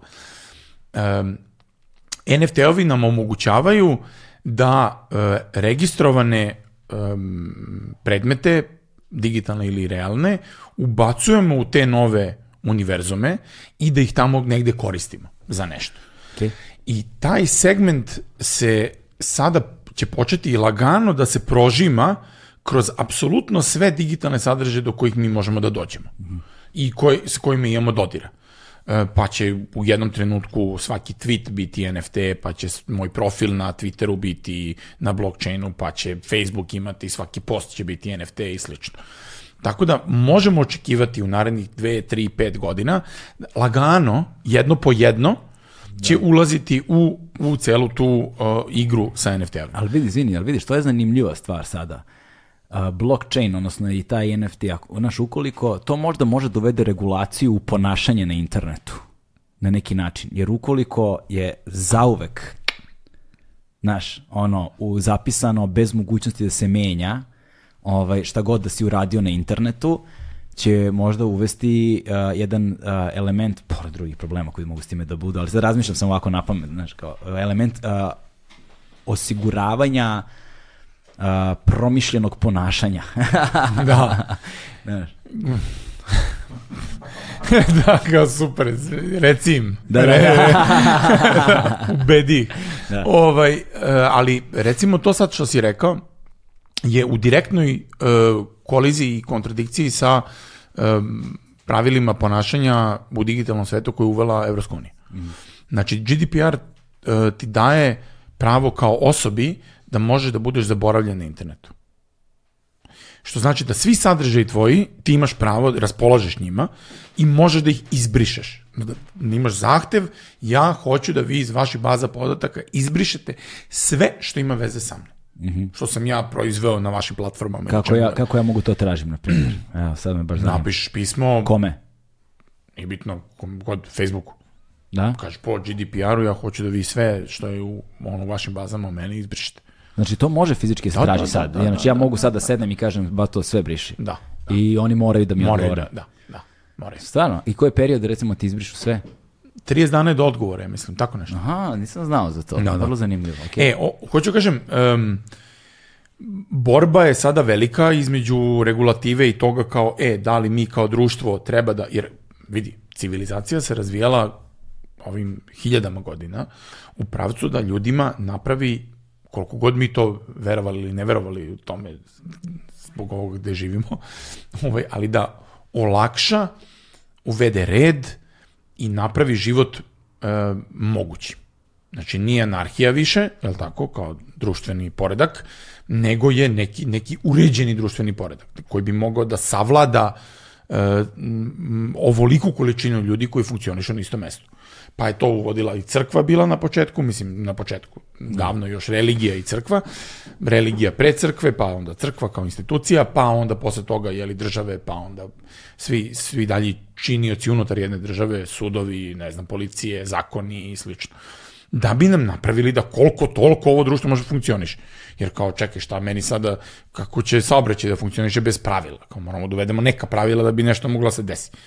Ovaj, that being said, što bi rekli englezi, moram da navedem jedan primjer interesantan. Mi ovde u, u Srbiji nemamo taj osjećaj, zato što da, tako nam je, tako nam je suđeno. Ovaj, ali recimo, uh, jedan primjer iz, iz Engleske. Imam, kad sam putovao tamo davno još, jednom prvi par puta kad sam bio u Londonu. Stojim ja na stanici i čekam voz. I ovaj, kasni voz. E, I čuje se sad sa razglasa, e, poštovani putnici, e, voz će kasniti 3 minuta i ovaj železnice engleske, to je Londona ili ne znam kako je, se izvinjavaju e, za to kašnjenje i za bilo kakvu neprijatnost koju vi imate zbog tog kašnjenja od 3 minuta tog voza. Jer sad, kao kad znaš kako funkcioniše ono, metro i vozovi u Londonu, ti znaš da se to sad sve propagira, ili ti zakasnio 3 minuta na ovaj, pa si onda zbog toga zakasnio minut na ovaj drugi, pa si onda zbog toga zakasnio 5 minuta na ovaj treći, i ti ćeš tamo gde ideš finalno zakasniti 15 minuta, da. zato što je ovaj tamo kasnije 3 minuta. Ali oni su ljudi preko razglasa se tebi izvinjavali u ime železnica. Meni je to bilo, u tom trenutku mi se um otvorio sam bio u fazonu, čekaj bre, stani. Ovaj sistem, i sad ono putujući po metrou i po, po jeli, uh, ono podzemnim undergroundu ove, Londona, ti shvatiš da tamo dnevno prođu milioni ljudi. Prođu kroz te njihove podzemne tunele i kao vozove i sve to. Čuče bre, to neko treba da vodi računa o tome da organizuje to sve i da to, to radi, taj sistem. Tamo ono, rikne jedna linija onog metroa, ono pakao kolaps, razumeš, katastrofa, kakvi ovo gužvu u našem saobraćaju, to je smešno. Da, da, da. Ali hoću da kažem da svest o tome, da je državi, država i njen posao da omogući lakši um, boljitak i lakši život svojim građanima, da je to u stvari osnova sistema u kome živimo. Mm -hmm. Znači, mi smo dali poverenje državi i plaćamo im porez da bi oni nama organizovali život bolje i lakše. I da naš život bude ono, neopterećen jeli, tim raznim administrativnim i logističkim problemima. U našem slučaju nisam siguran da naša država baš to tako posmatra, da. ovaj, zato što naš narod to tako ne posmatra. Ti ne posmatraš, državni e, službenici ne posmatraju da je njihova uloga da ti olakšaju nešto, nego da ti moraš njima nešto da daš. Papir, pečat, da, idi, da, vrati da, da, se, od, odnesi, donesi i slično. Umesto toga da kažu, čekaj, nemoj, ajde, reću ti ja to sad brzo. Birokratsko telo koje se samo sobom hrani, hrani samo od sebe uvećava. da, e sad, da vratimo sada celu tu priču u ovaj internet, virtualni mega svet budućnosti i tako dalje.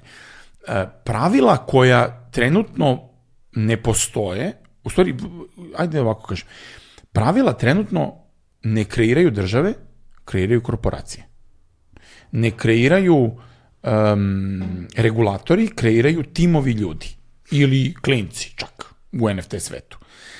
U tom smislu mi ne znamo da li će i kada će država da uđe sa svojim pravilnikom u ceo taj sistem.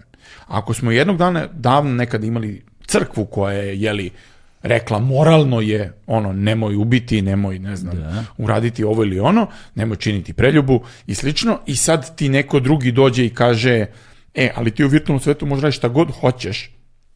Ko postavlja pravila u virtualnom svetu šta je okej, okay, šta nije okej. Okay. Ko postavlja pravila ko može da fejkuje NFT, ko ne može da fejkuje. Šta je fake NFT? Posledna tema, nemam vremena sad i za to. Zove me ponovo pa ćemo pričati. Ovaj, uglavnom, hoću da kažem da je da su to sad stvari civilizacijske koje će morati biti rešene nekako. Znači, da li se država i regulativa, država, mislim, ljudi koji su unutar regulatornih tela, uključuju ili ne uključuju u virtualne svete. Da, da. Ko postavlja pravila virtualne svete? Ko postavlja pravila da li ovaj NFT može da bude izvor budućeg profita za njegove uh, vlasnike ili ne može? Ko je to? Da, u ovom Smo... trenutku korporacije koje Vol... kreiraju taj neki svet. E, interesantno je sa NFT-ovima ne.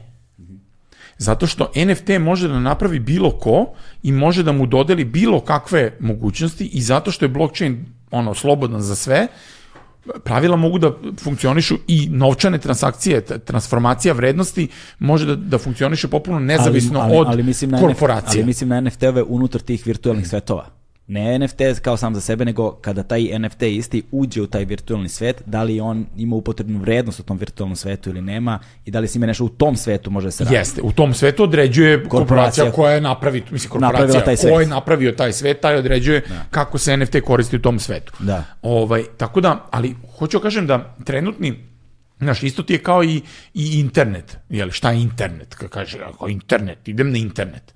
Ne ideš ti bato na internet ti ideš u svoj Chrome web browser ili Safari ili gde god, Internet Explorer, i kao, ulaziš u stvari na web stranicu.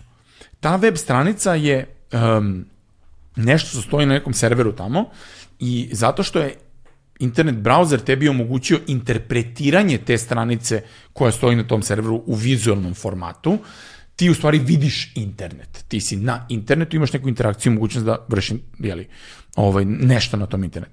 E pa isto tako će biti i sa virtualnim svetovima. Znači ti ćeš ulaziti u te virtualne svetove i imaćeš neku interakciju koju vršiš, a interpretacija tih digitalnih sadržaja će biti na tim virtualnim svetovima da je naprave. I sad, koliko brzo stignemo do otvorenih standarda, kao što je otvoreni standard trenutno web stranica, toliko brzo će sloboda koja, koju imamo na internetu da kreiramo bilo kakvu internet stranicu postojati i u virtualnim svetovima. Mm -hmm. Ono gde je naša procena i moja procena da će se stvari dešavati jako važne, a to nije u virtualnim svetovima, mm -hmm. nego, mislim, naravno u, virtualnim svetovima, ali bit će bitno aset kao takav, ja. to je taj digitalni item, kako se taj digitalni item um, čita i ponaša u digitalnom svetu. Što više digitalnih itema napravimo okay. sada, to će više imati um, sadržaje u tim digitalnim svetovima koji nisu kreirale kompanije koje su autori tih digitalnih da, da. svetova, nego kao sofa virtualna, kao bam, evo je sofa u mojoj virtualnoj sobi, u mom virtualnom svetu. Pa ću ja tu sofu da uzmem sad iz ovog sveta i da prebacim u drugi svet. Da, zanimljivo je, znaš, da recimo posmatraš velike kompanije, primjera, recimo Ikea, kad si već pomenuo Sofu. Znaš, to znači da će u budućnosti Ikea zapošljavati više programera nego na, zamenit će svoje ono pogone za proizvodnju nameštaja deo recimo tih pogona će zameniti ono samo će umesto traka gde su pogoni staviti stolove gde su programeri jer će kreirati isti taj nameštaj za virtualnu stvarnost. E sad zamisli sledeću stvar. Ti kupiš u Ikei sofu Da. i onda dobiješ tu istu sofu i kao NFT. NFT. I kao rokneš tu sofu kod sebe u svoj dom. I kao kreirao si svoju priču. Da, jebote, znaš, da prvo ti ćeš sad moći da dobiješ Ako iz Ikea gledate, nemojte da nas preskočite slučajno moje preši. Javite se. da, da, dakle, do, da, za, da, zapravo ti možeš, kao što, evo, recimo, to, to, to može da nas prebaci na muziku na dobar način. Jer recimo, kao što već duže vreme, uh, kad kupiš ploču, uh, pošto kupova, kup, kupovina vinila je ono uh, sada kao niša u suštini. Znači, nije vinil umro, nego je samo se sveo na optimalan broj ljudi koji zapravo žele da imaju ono žele iskustvo vinila i da posjeduju vinil i kao ljubav prema vinilima kao neki vintage šta god. I kad kupiš vinil, kad kupiš ploču, a, ti sada, ti već ne znam koliko godina unazad, u, otpakuješ jel te, ploču i u ploči imaš ceduljicu sa kodom i sa tim kodom downloaduješ album. Znači, znaš, download, downloaduješ album. E sada zanimljivo je, na primjer, zamisli ti u Ikea odeš ili ne znam, u neki drugi salon nameštaja ili ne važno šta kupuješ, kupuješ stan, na primjer, ili, znaš, ne znam ti nije šta, i ti uz kupovinu dobijaš I stan u metaversu. Tako je, stan u metaversu, dobijaš kod, zapravo koji kad uneseš, ti bup, evo ti ga u virtualnoj stvarnosti, ta ista gajba na kojoj živiš. Tako je. God damn, znači ko je ludilo, brate. A, Da, da, to je potpuno, potpuno, potpuna, ono, i, sa, i sad, mo, i, i pritom mogućnost transformacije toga takođe otvoreno, ono, open source. Da, da. I samo kreativnost je kraj. Mislim, nema Da. kraja. Zavisnosti Samo od će- tebe, da. Da, vidjet ćemo šta će ljudi sve smisliti. Znači, ne, nemamo Ja jasnu zamisli sliku. sad varijantu, recimo kupiš ono, de, klinaci, znaš, kupiš, pa sad ovo, kupiš Superman kostim za, za Halloween, razumeš? I onda dobijaš kod i kad taj kod uneseš imaš Superman kostim u virtualnom svetu, ali možeš stvarno da letiš. Tako je. Znaš, a možeš stvarno, a? Ha, reci. Wow, Ludilo. Čekaj, tek smo počeli, brate. Znaš kao, sad ćemo da, Da. izmišljamo gluposti, razumeš, to je... Da. Koliko ćemo mi još da pričamo? Hoćemo da, da ovaj... Pa ne znam gde nam je logični završetak ovog razgovora, Ja ja uživam trenutno. Da. ne, ne postoji. Znači, zato što... E sad, da, zanima me, zanima me ono što uh, je recimo, ajde sad smo mi otišli malo u abstrakciju, u filozofiju, ali mislim da je stvarno značajno zato što ne samo da objasnimo šta je NFT, nego da objasnimo i upotrebnu vrednost i šta su potencijali za neku viziju nek, jedne od potencijalnih budućnosti stvarnosti u kojima možemo da živimo, koje se zapravo već stvara uveli, koji vidimo koje su namere i znaš, mnogo mi je jasnije sada ovaj Facebookov metaverse i šta oni zapravo pokušavaju i koje su potencijalni posledice i mogućnosti, šta ti ja znam. Ali da se sada vratimo na ono sadašnji trenutak i da se vratimo na ono jednog prosječnog čoveka koji sad saznaje šta je NFT i kao ja kad sam prvi put saznao šta je NFT, kažem, u evo, znaš kao, šta je šta sad s ovim NFT, kaže, vidiš ima ovde, ne znam, najpoznatije mesto gde su svi kao NFT-evi, razumeš? Da li to nije OpenSea ili kako se već zove, kako, ima neki... OpenSea se zove, Da, da, OpenSea, da. znači ja odem, brate, na ono, OpenSea.com? Tačka i. A, tačka .io, el, io, e, tačka .io, odem i, ovaj, i, brate, ništa mi nije jasno. Ja tamo vidim nešto što, ne znam, ono, sajt je, del, mislim sad nekome ko ne, znaš, kao ja tad prvi put kad sam došao, meni ono deluje kao gomil nekog treša, nekog đubreta koje nemam pojma, nije ništa sistematizovano, ne znam šta s time da radim, ne znam kako funkcioniše i opet mi ništa nije bilo jasno. I to je još jedna prepreka, znaš, kao, dakle, šta su ta mesta gde se, ta, gde se ti NFT-evi nalaze, kako ono funkcionišu, uh, uh, za, uh, kako razlikuješ kvalitetno od sranja, uh, ali tu je zanimljivo i nešto što si pomenuo takođe, kad smo razgovarali prošli put, kao kad imaš ono fotografiju sa više lejera i onda se svaki layer po na osob NFT, NFTizuje i prodaje kao, i onda ti imaš collectibles, odnosno kolekcije gde se po jedna sitnica ono detalj razlikuje na različitim ono umetninama, umetninama, pitanje koliko su umetnine. Ju. Pa ono kriptopankeri, jel tako je? Oni da, to prvo, da, e, ja, znači, sad ulazimo u novu celu segment, a moramo to da objasnimo ljudima, ne vredi. Znači, sad treba da objasnimo ljudima jednu bitnu stvar, to je šta se desilo posljednjih par meseci sa NFT-ovim gde, mislim, deo ludila gde se nalazi. Ok, da probamo da, da ovaj, tu, da, da vidimo gdje je ludnica u stvari i šta rade ludaci u ludnici. E sad ovako. NFT-ovi krenulo je sa m, činjenicom da kao, e, ok, ja sad imam određeno digitalno umetničko delo, pa je sad krećemo u stvarno ludnicu.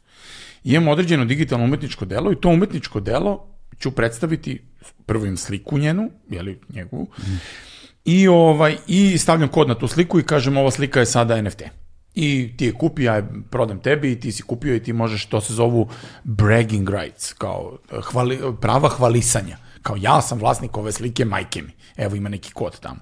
Nećemo ni, ni da dotičemo u stvari prava intelektualne svojine koje se prenose NFT-om, da li se ne prenose, ne, ko, gde ti kliknu box, I agree, i ono terms and conditions, slično. Da. To nema... Creative Commons, ono... Ne, ne, nema, nema vremena, sad ulazimo u to, da. to, je, to je tema... A, a da ne govorimo i takođe o razlici između toga šta znači upisati uh, u NFT digitalne umetnine koje su pravljene pre postojanja NFT-a i one koje su zapravo nastale u trenutku kada postoji NFT pa ih odmah upišeš. Je, digitalizacija generalno umetnosti koja je nastajala posebno ako pričamo o pravim intelektualne svine koje koja, no, koja prestaje 75 godina posle smrti umetnika, mislim, to je sad tek tema, kao šta da, da. ćemo sa onim predmetima koji su iz ranijih epoha i... I tako dalje, i tako dalje. No, znači, kažemo ako vratimo se na, na, na ono ludnicu koja se trenutno dešava. Znači, ti imaš sad, počelo od toga ko imam sliku i pravim aukciju za tu sliku koja je kroz pametni ugovor, je li se dešava online, zakačio sam NFT kod za sliku i rekao sam,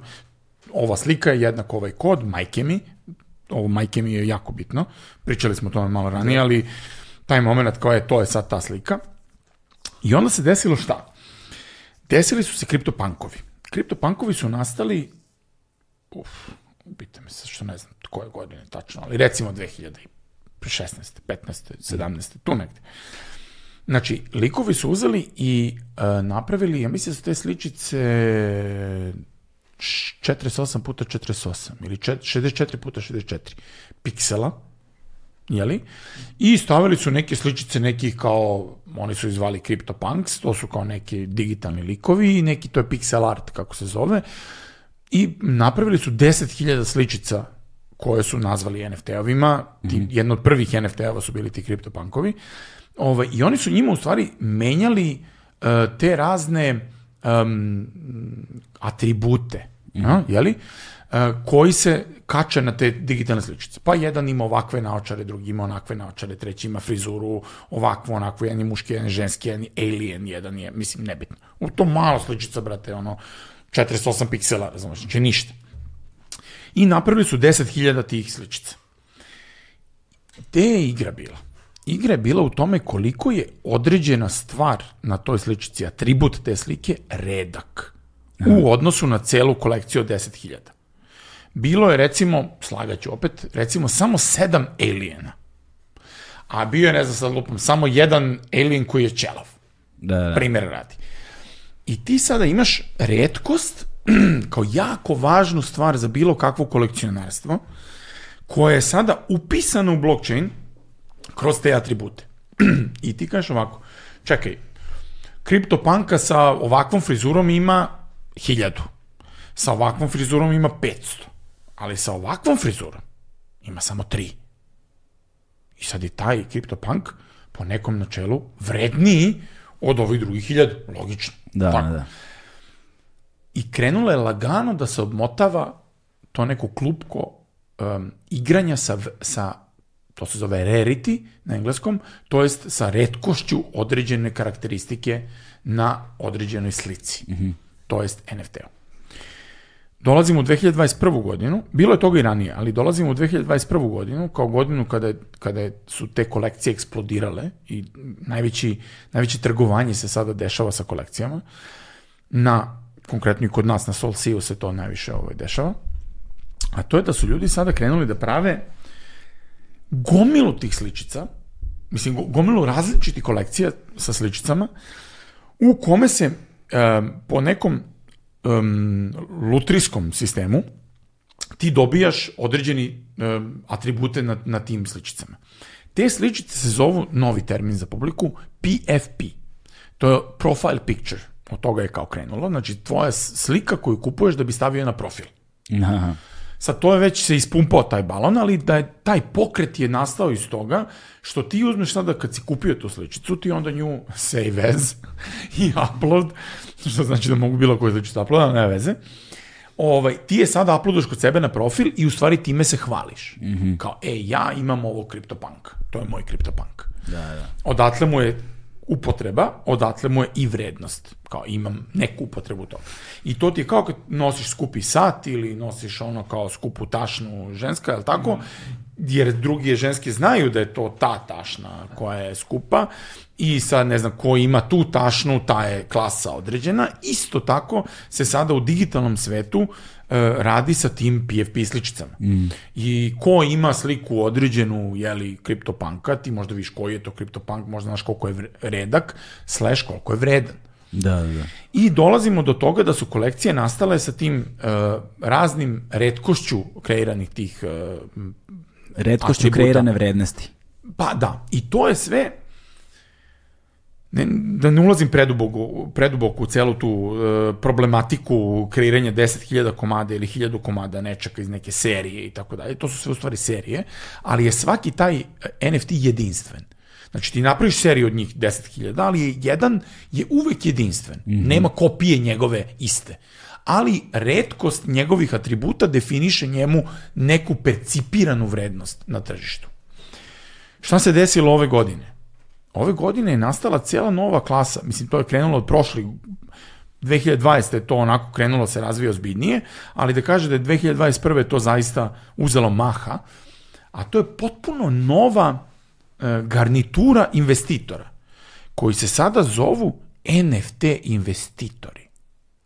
Ti sada imaš NFT investitore, pa imaš fondove koji investiraju novac u NFT-ove pa će investirati malo u ove umetnosti, jeli, kao NFT umetnost, po tome koji umetnik koliko vredan, koliko je procena da će biti vredan u budućnosti i slično, ali imaš masu njih koji investiraju pare u ove kolekcije koje su te randomizovane, to jest te po slučajnom uzorku izabrane sličice kao šta si ti dobio od tih atributa.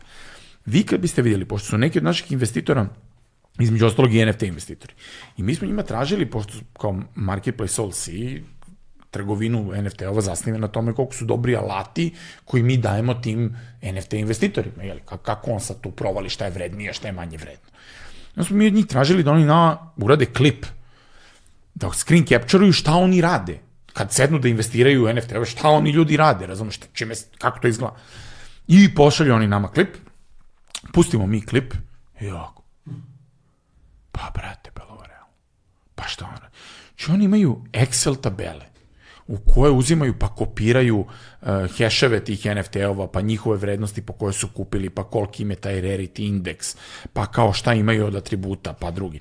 Pa onda idu pa gledaju razlike u cenama po određenim atributima, koliko je taj atribut re, redak u odnosu na neki drugi atribut, pa kolike su cene tog drugog atributa u odnosu na ovaj, da li neko spustio cenu niže od neke prosečne cene po tom atributu više od određenog procenta, pa to pa će onda oni da kupe taj, a da prodaju ovaj po skupljoj ceni, onda Znači, mi gledamo ono zbunjeni hiljadu posto. Razumeš šta se tu dešava i kako to izgleda i onda razmišljamo o tome, čekaj, koje mi sad alate treba da isprogramiramo njima da im olakšamo život. Da. Razumeš, sad zamisli kad on ima, ne znam, kolekciju od 800 NFT-ova u koj, koje vodi u Excel tabeli. I to mora da ide u svoj wallet, to je svoj novčanik i onda da kopira ono vrednosti po koje je kupio, po koje je prodao, koliko je ono razliku napravio, da li je negdje izgubio pare, da li je dobio pare. Pa kao, a zamisli tek prijavljivanje poreza. Mislim, kao, samo napravim porez na svoj NFT trading, ono majmuna. Da, da, da. Razumeš? Znači, kao, ali to je realna stvar. Kao, to, to se stvarno, mislim, dešava. Šta piše Ove, na priznanici. da. Ja sad, ajde da Čelavi se... vanzemaljac. Da, da se vratimo na logiku zašto bi neko kupio majmun i kako on to radi. Znači, to je isto da. interesantno. Jedna od kolekcija na Solani koja je bila baš izuzetno uspešna i, i, i sad iz ovu kao blue chip kolekcija, kao, znači ono, za ovo će imati vrednost, su ti neki Degen Ape Academy. Na Ethereumu je to um, Bajak, to jest Board Ape Yacht Club, nebitno, a ovamo su to Degen Ape Academy. I sad šta zešava? Moraš da voliš te ljude. A, re, re, ne možeš da ih ne voliš. Reci, reci. A pritom su to deca. Mislim, da. kapiraš koji su uzeli neki milion. Znači, ja stao baš na nekom predavanju na ovom, što to beše, Webis sa poslednji, ja došao onako sa ratišta. Znači, mi puštamo Sol C, ovamo ovi kreću, ovi prave fejkove, mi skidamo ove fejkove, ovamo udaramo verifikacije, ovi nam nisu poslali te neke kodove za taj neki candy machine kojim se to tradovalo, ovi ovamo, znači, ma, ja dolazim na predavanje, dolećem, ono, i kao izlazim na scenu, energija hiljadu, razumeš, ljudi me gledaju na čemu sam, nije mi dobro, razumeš, ja njima objašnjavam o tome kako ljudi su uzeli milione na pravljenju tih majmuna. Aj majmuni još nekako, možda su bolje lame. Da. Lame, da vam objasnim, to je tek show program. Zato što su ovi majmuni, to je neki, ono, nek, neki momci koji su 3D modelari, stvarno su napravili dobre ilustracije i dobre 3D modele tih majmuna. Ali lame, su pikselizovane lame u 32 puta 32 piksela. Ja ne znam, ti i ja da sednemo sada, napravit ćemo ih za pola sata ovde bez problema. Lame su prodate u ne znam koliko, 3 miliona i nešto je uzeto dolara na lamama. Kako to izgleda? Ne verujete. Znači, ti dođeš na sajt da takozvano mintuješ taj NFT. Znači da ga, da ga, da ga kupiš slash kreiraš. Znači ti u momentu kad klikneš dugme mint, tebi se iskreira NFT i prebaci ti se u tvoj novčanik.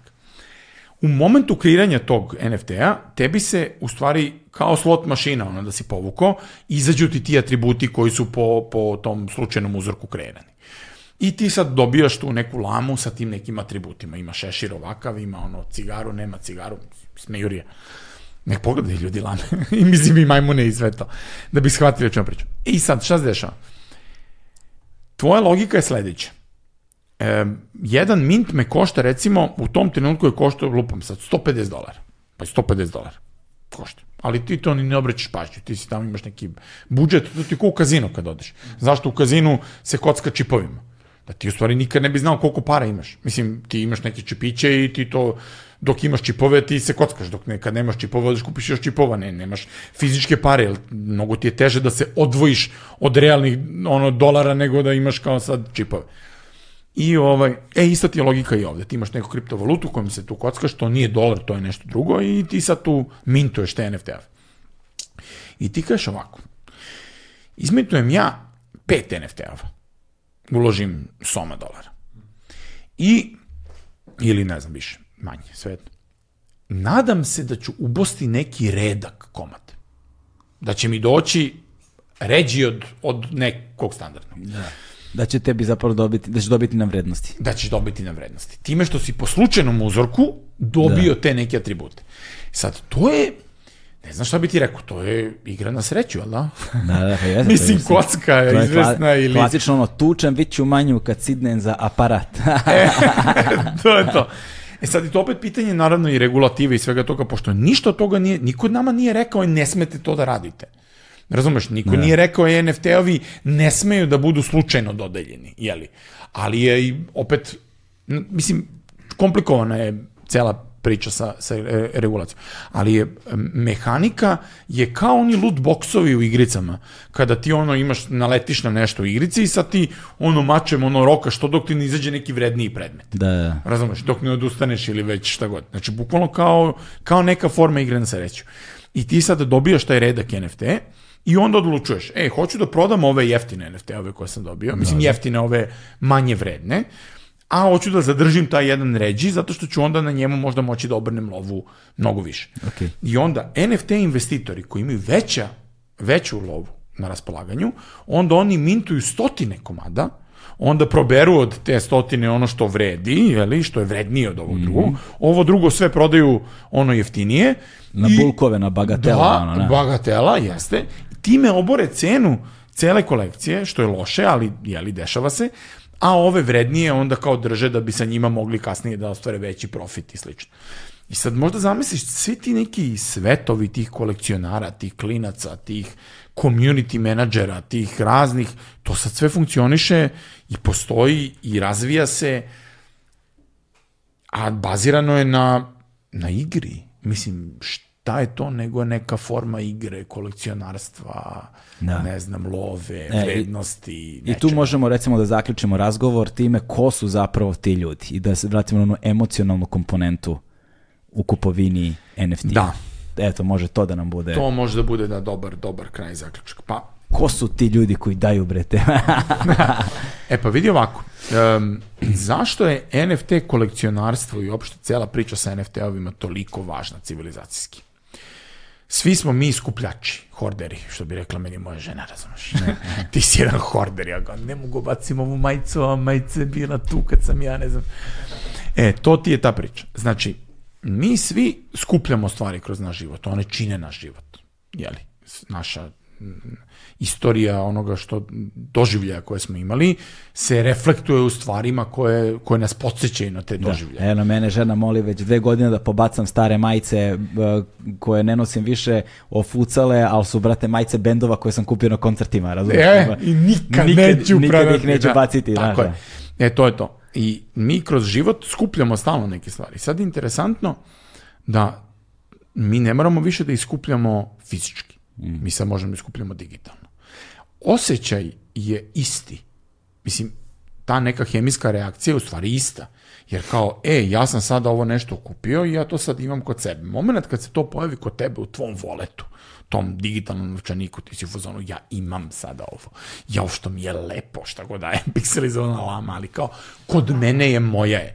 Znači, isto kao taj neki like koji generiše neki dopamin kod tebe ili kad ti vidiš da ti je neko nešto lajkovo, to ti je isto kao da te neko zagrlio, potapšao i rekao ti si baš strava, galebel, da, baš da. super. E, isto ti taj like ti daje to sam mnogo više i brže i, i, i, i u kraćem vremenskom opsegu, tako da um, dobijaš više te hemijs, hemijskog naboja jeli, mm. unutar svog organizma. Isto je sa kolekcionarstvom NFT-ov, ali je isto tako i sa kolekcionarstvom realne umetnosti. I ono što je interesantno, a to je sada taj, ta veza između kupovine nečega i emotivne reakcije na tu kupovinu. Da. Umetnost je jedina, ono što znamo, od aseta koja u sebi ima uključenu i emotivnu komponentu. Znači ti imaš emotivnu reakciju nad, nad tim objektom koja je uključena u tvoju percepciju vrednosti. Mm. To je sad ključ. Znači, tvoja percepcija vrednosti nije samo uslovljena statusom, um, važnošću tog dela, ne znam sad, čime god umetnikom koje je kreirao, nego ti imaš i nekakav emotivni odnos prema tom delu. Što je jači i dublji taj odnos, to je tvoja obsesija i potreba da imaš to delo veće. Da, da. I to je i na tradicionalnom tržištu umetnina, to je jedna od najneopipljivijih stvari koja generiše osjećaj vrednosti da li je nešto vredno ili nije vredno. Pored toga da je Picasso ono kao legenda i kao zna se da je Picasso vredan, ali da li ćeš ti kupiti određenog Picasa najčešće zavisi od toga da li si ti pored jeli, investicije koju praviš na taj način, ako postoji emotivna komponenta, taj odnos će biti mnogo jači i dublji u odnosu na taj, i zato ljudi kao, ok, ti imaš one flipere, kako se zovu, kao kupi pa prodaju, da. ali u suštini postoji ta dubina e, tog nekog odnosa prema tom nekom delu koje, koje stvaraš. NFT-ovi pomeraju sada taj e, ceo kolekcionarsko-skupljački element u digitalnu arenu. Da. I to je ta velika promena i zašto su oni toliko bitni civilizacijski. Zato što ti oni mogućavaju da ti sada e, skorderski svoj mentalitet, jeli, koji svi imamo, prebaciš u digitalnu arenu i da ga na neki način dalje razvijaš. Da. A onda kada dođu još i umetnici i kreatori i ono gameri i sve to, pa ti daju još dodatne stvari mm. koje će ti tek otključati kroz neko vreme, pa si ti odlepio sad na, na svim tim idejama, to još doliva ulje na, na, na tu vatru. Da. Tako da, eto, to mogu da, da, da kažem kao završnicu neku. Mislim da je budućnost nepredvidiva. Da. I da. koliko je svetla, toliko je i zabrinjavajuća. koliko je svetla, to svetla i istovremeno zaslepljujuće. Jel, slušaj, ovo pričam ja sa, sa uh, nekim likom iz, iz Engleske koji se bavi isto NFT-ovima i nešto smo se savjetovali bili pre jedno 5-6 meseci.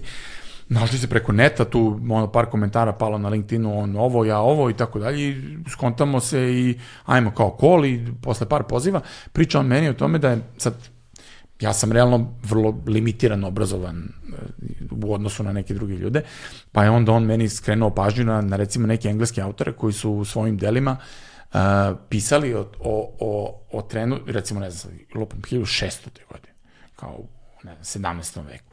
Pisali o tome da, eto, ove mlade generacije, kao, na šta to liči, kao toliko su brze, ne zanima ih ništa, ne znam, nisu, da. e, ostaće neobrazovane, kao identičan tekst koji bi mogao da staviš u bilo koje vreme za bilo koju generaciju, se u stvari ponavlja kroz cijelu istoriju. Mi ćemo uvijek misliti o mladim generacijama i mlađim naraštajima da su ne, nedovoljno obrazovani, da su previše brzi, da jurcaju, da ne misle svojom glavom, da ne znam šta. Uvek isto ćemo misliti. Da.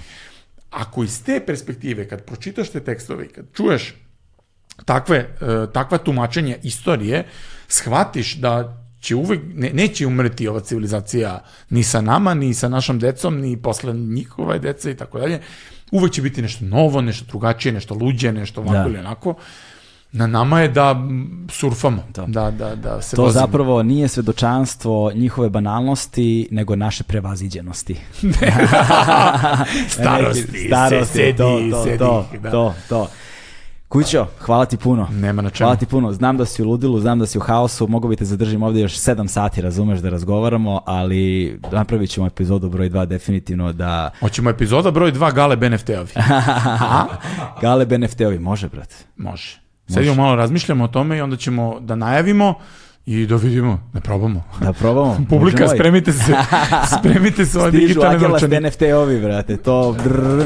Hvala Da. ti puno, neću te još puno zadržavati, ovaj, znam da imaš puno obaveza, uh, otvorio si nam svetove cele i baš je bio dobar razgovor, daleko više od onoga što sam očekivao. Hvala ti još jednom, to je to, stigli Hvala smo do tebi kraja. što si me zvao. No. To je to, stigli smo do kraja, ćao. Ćao.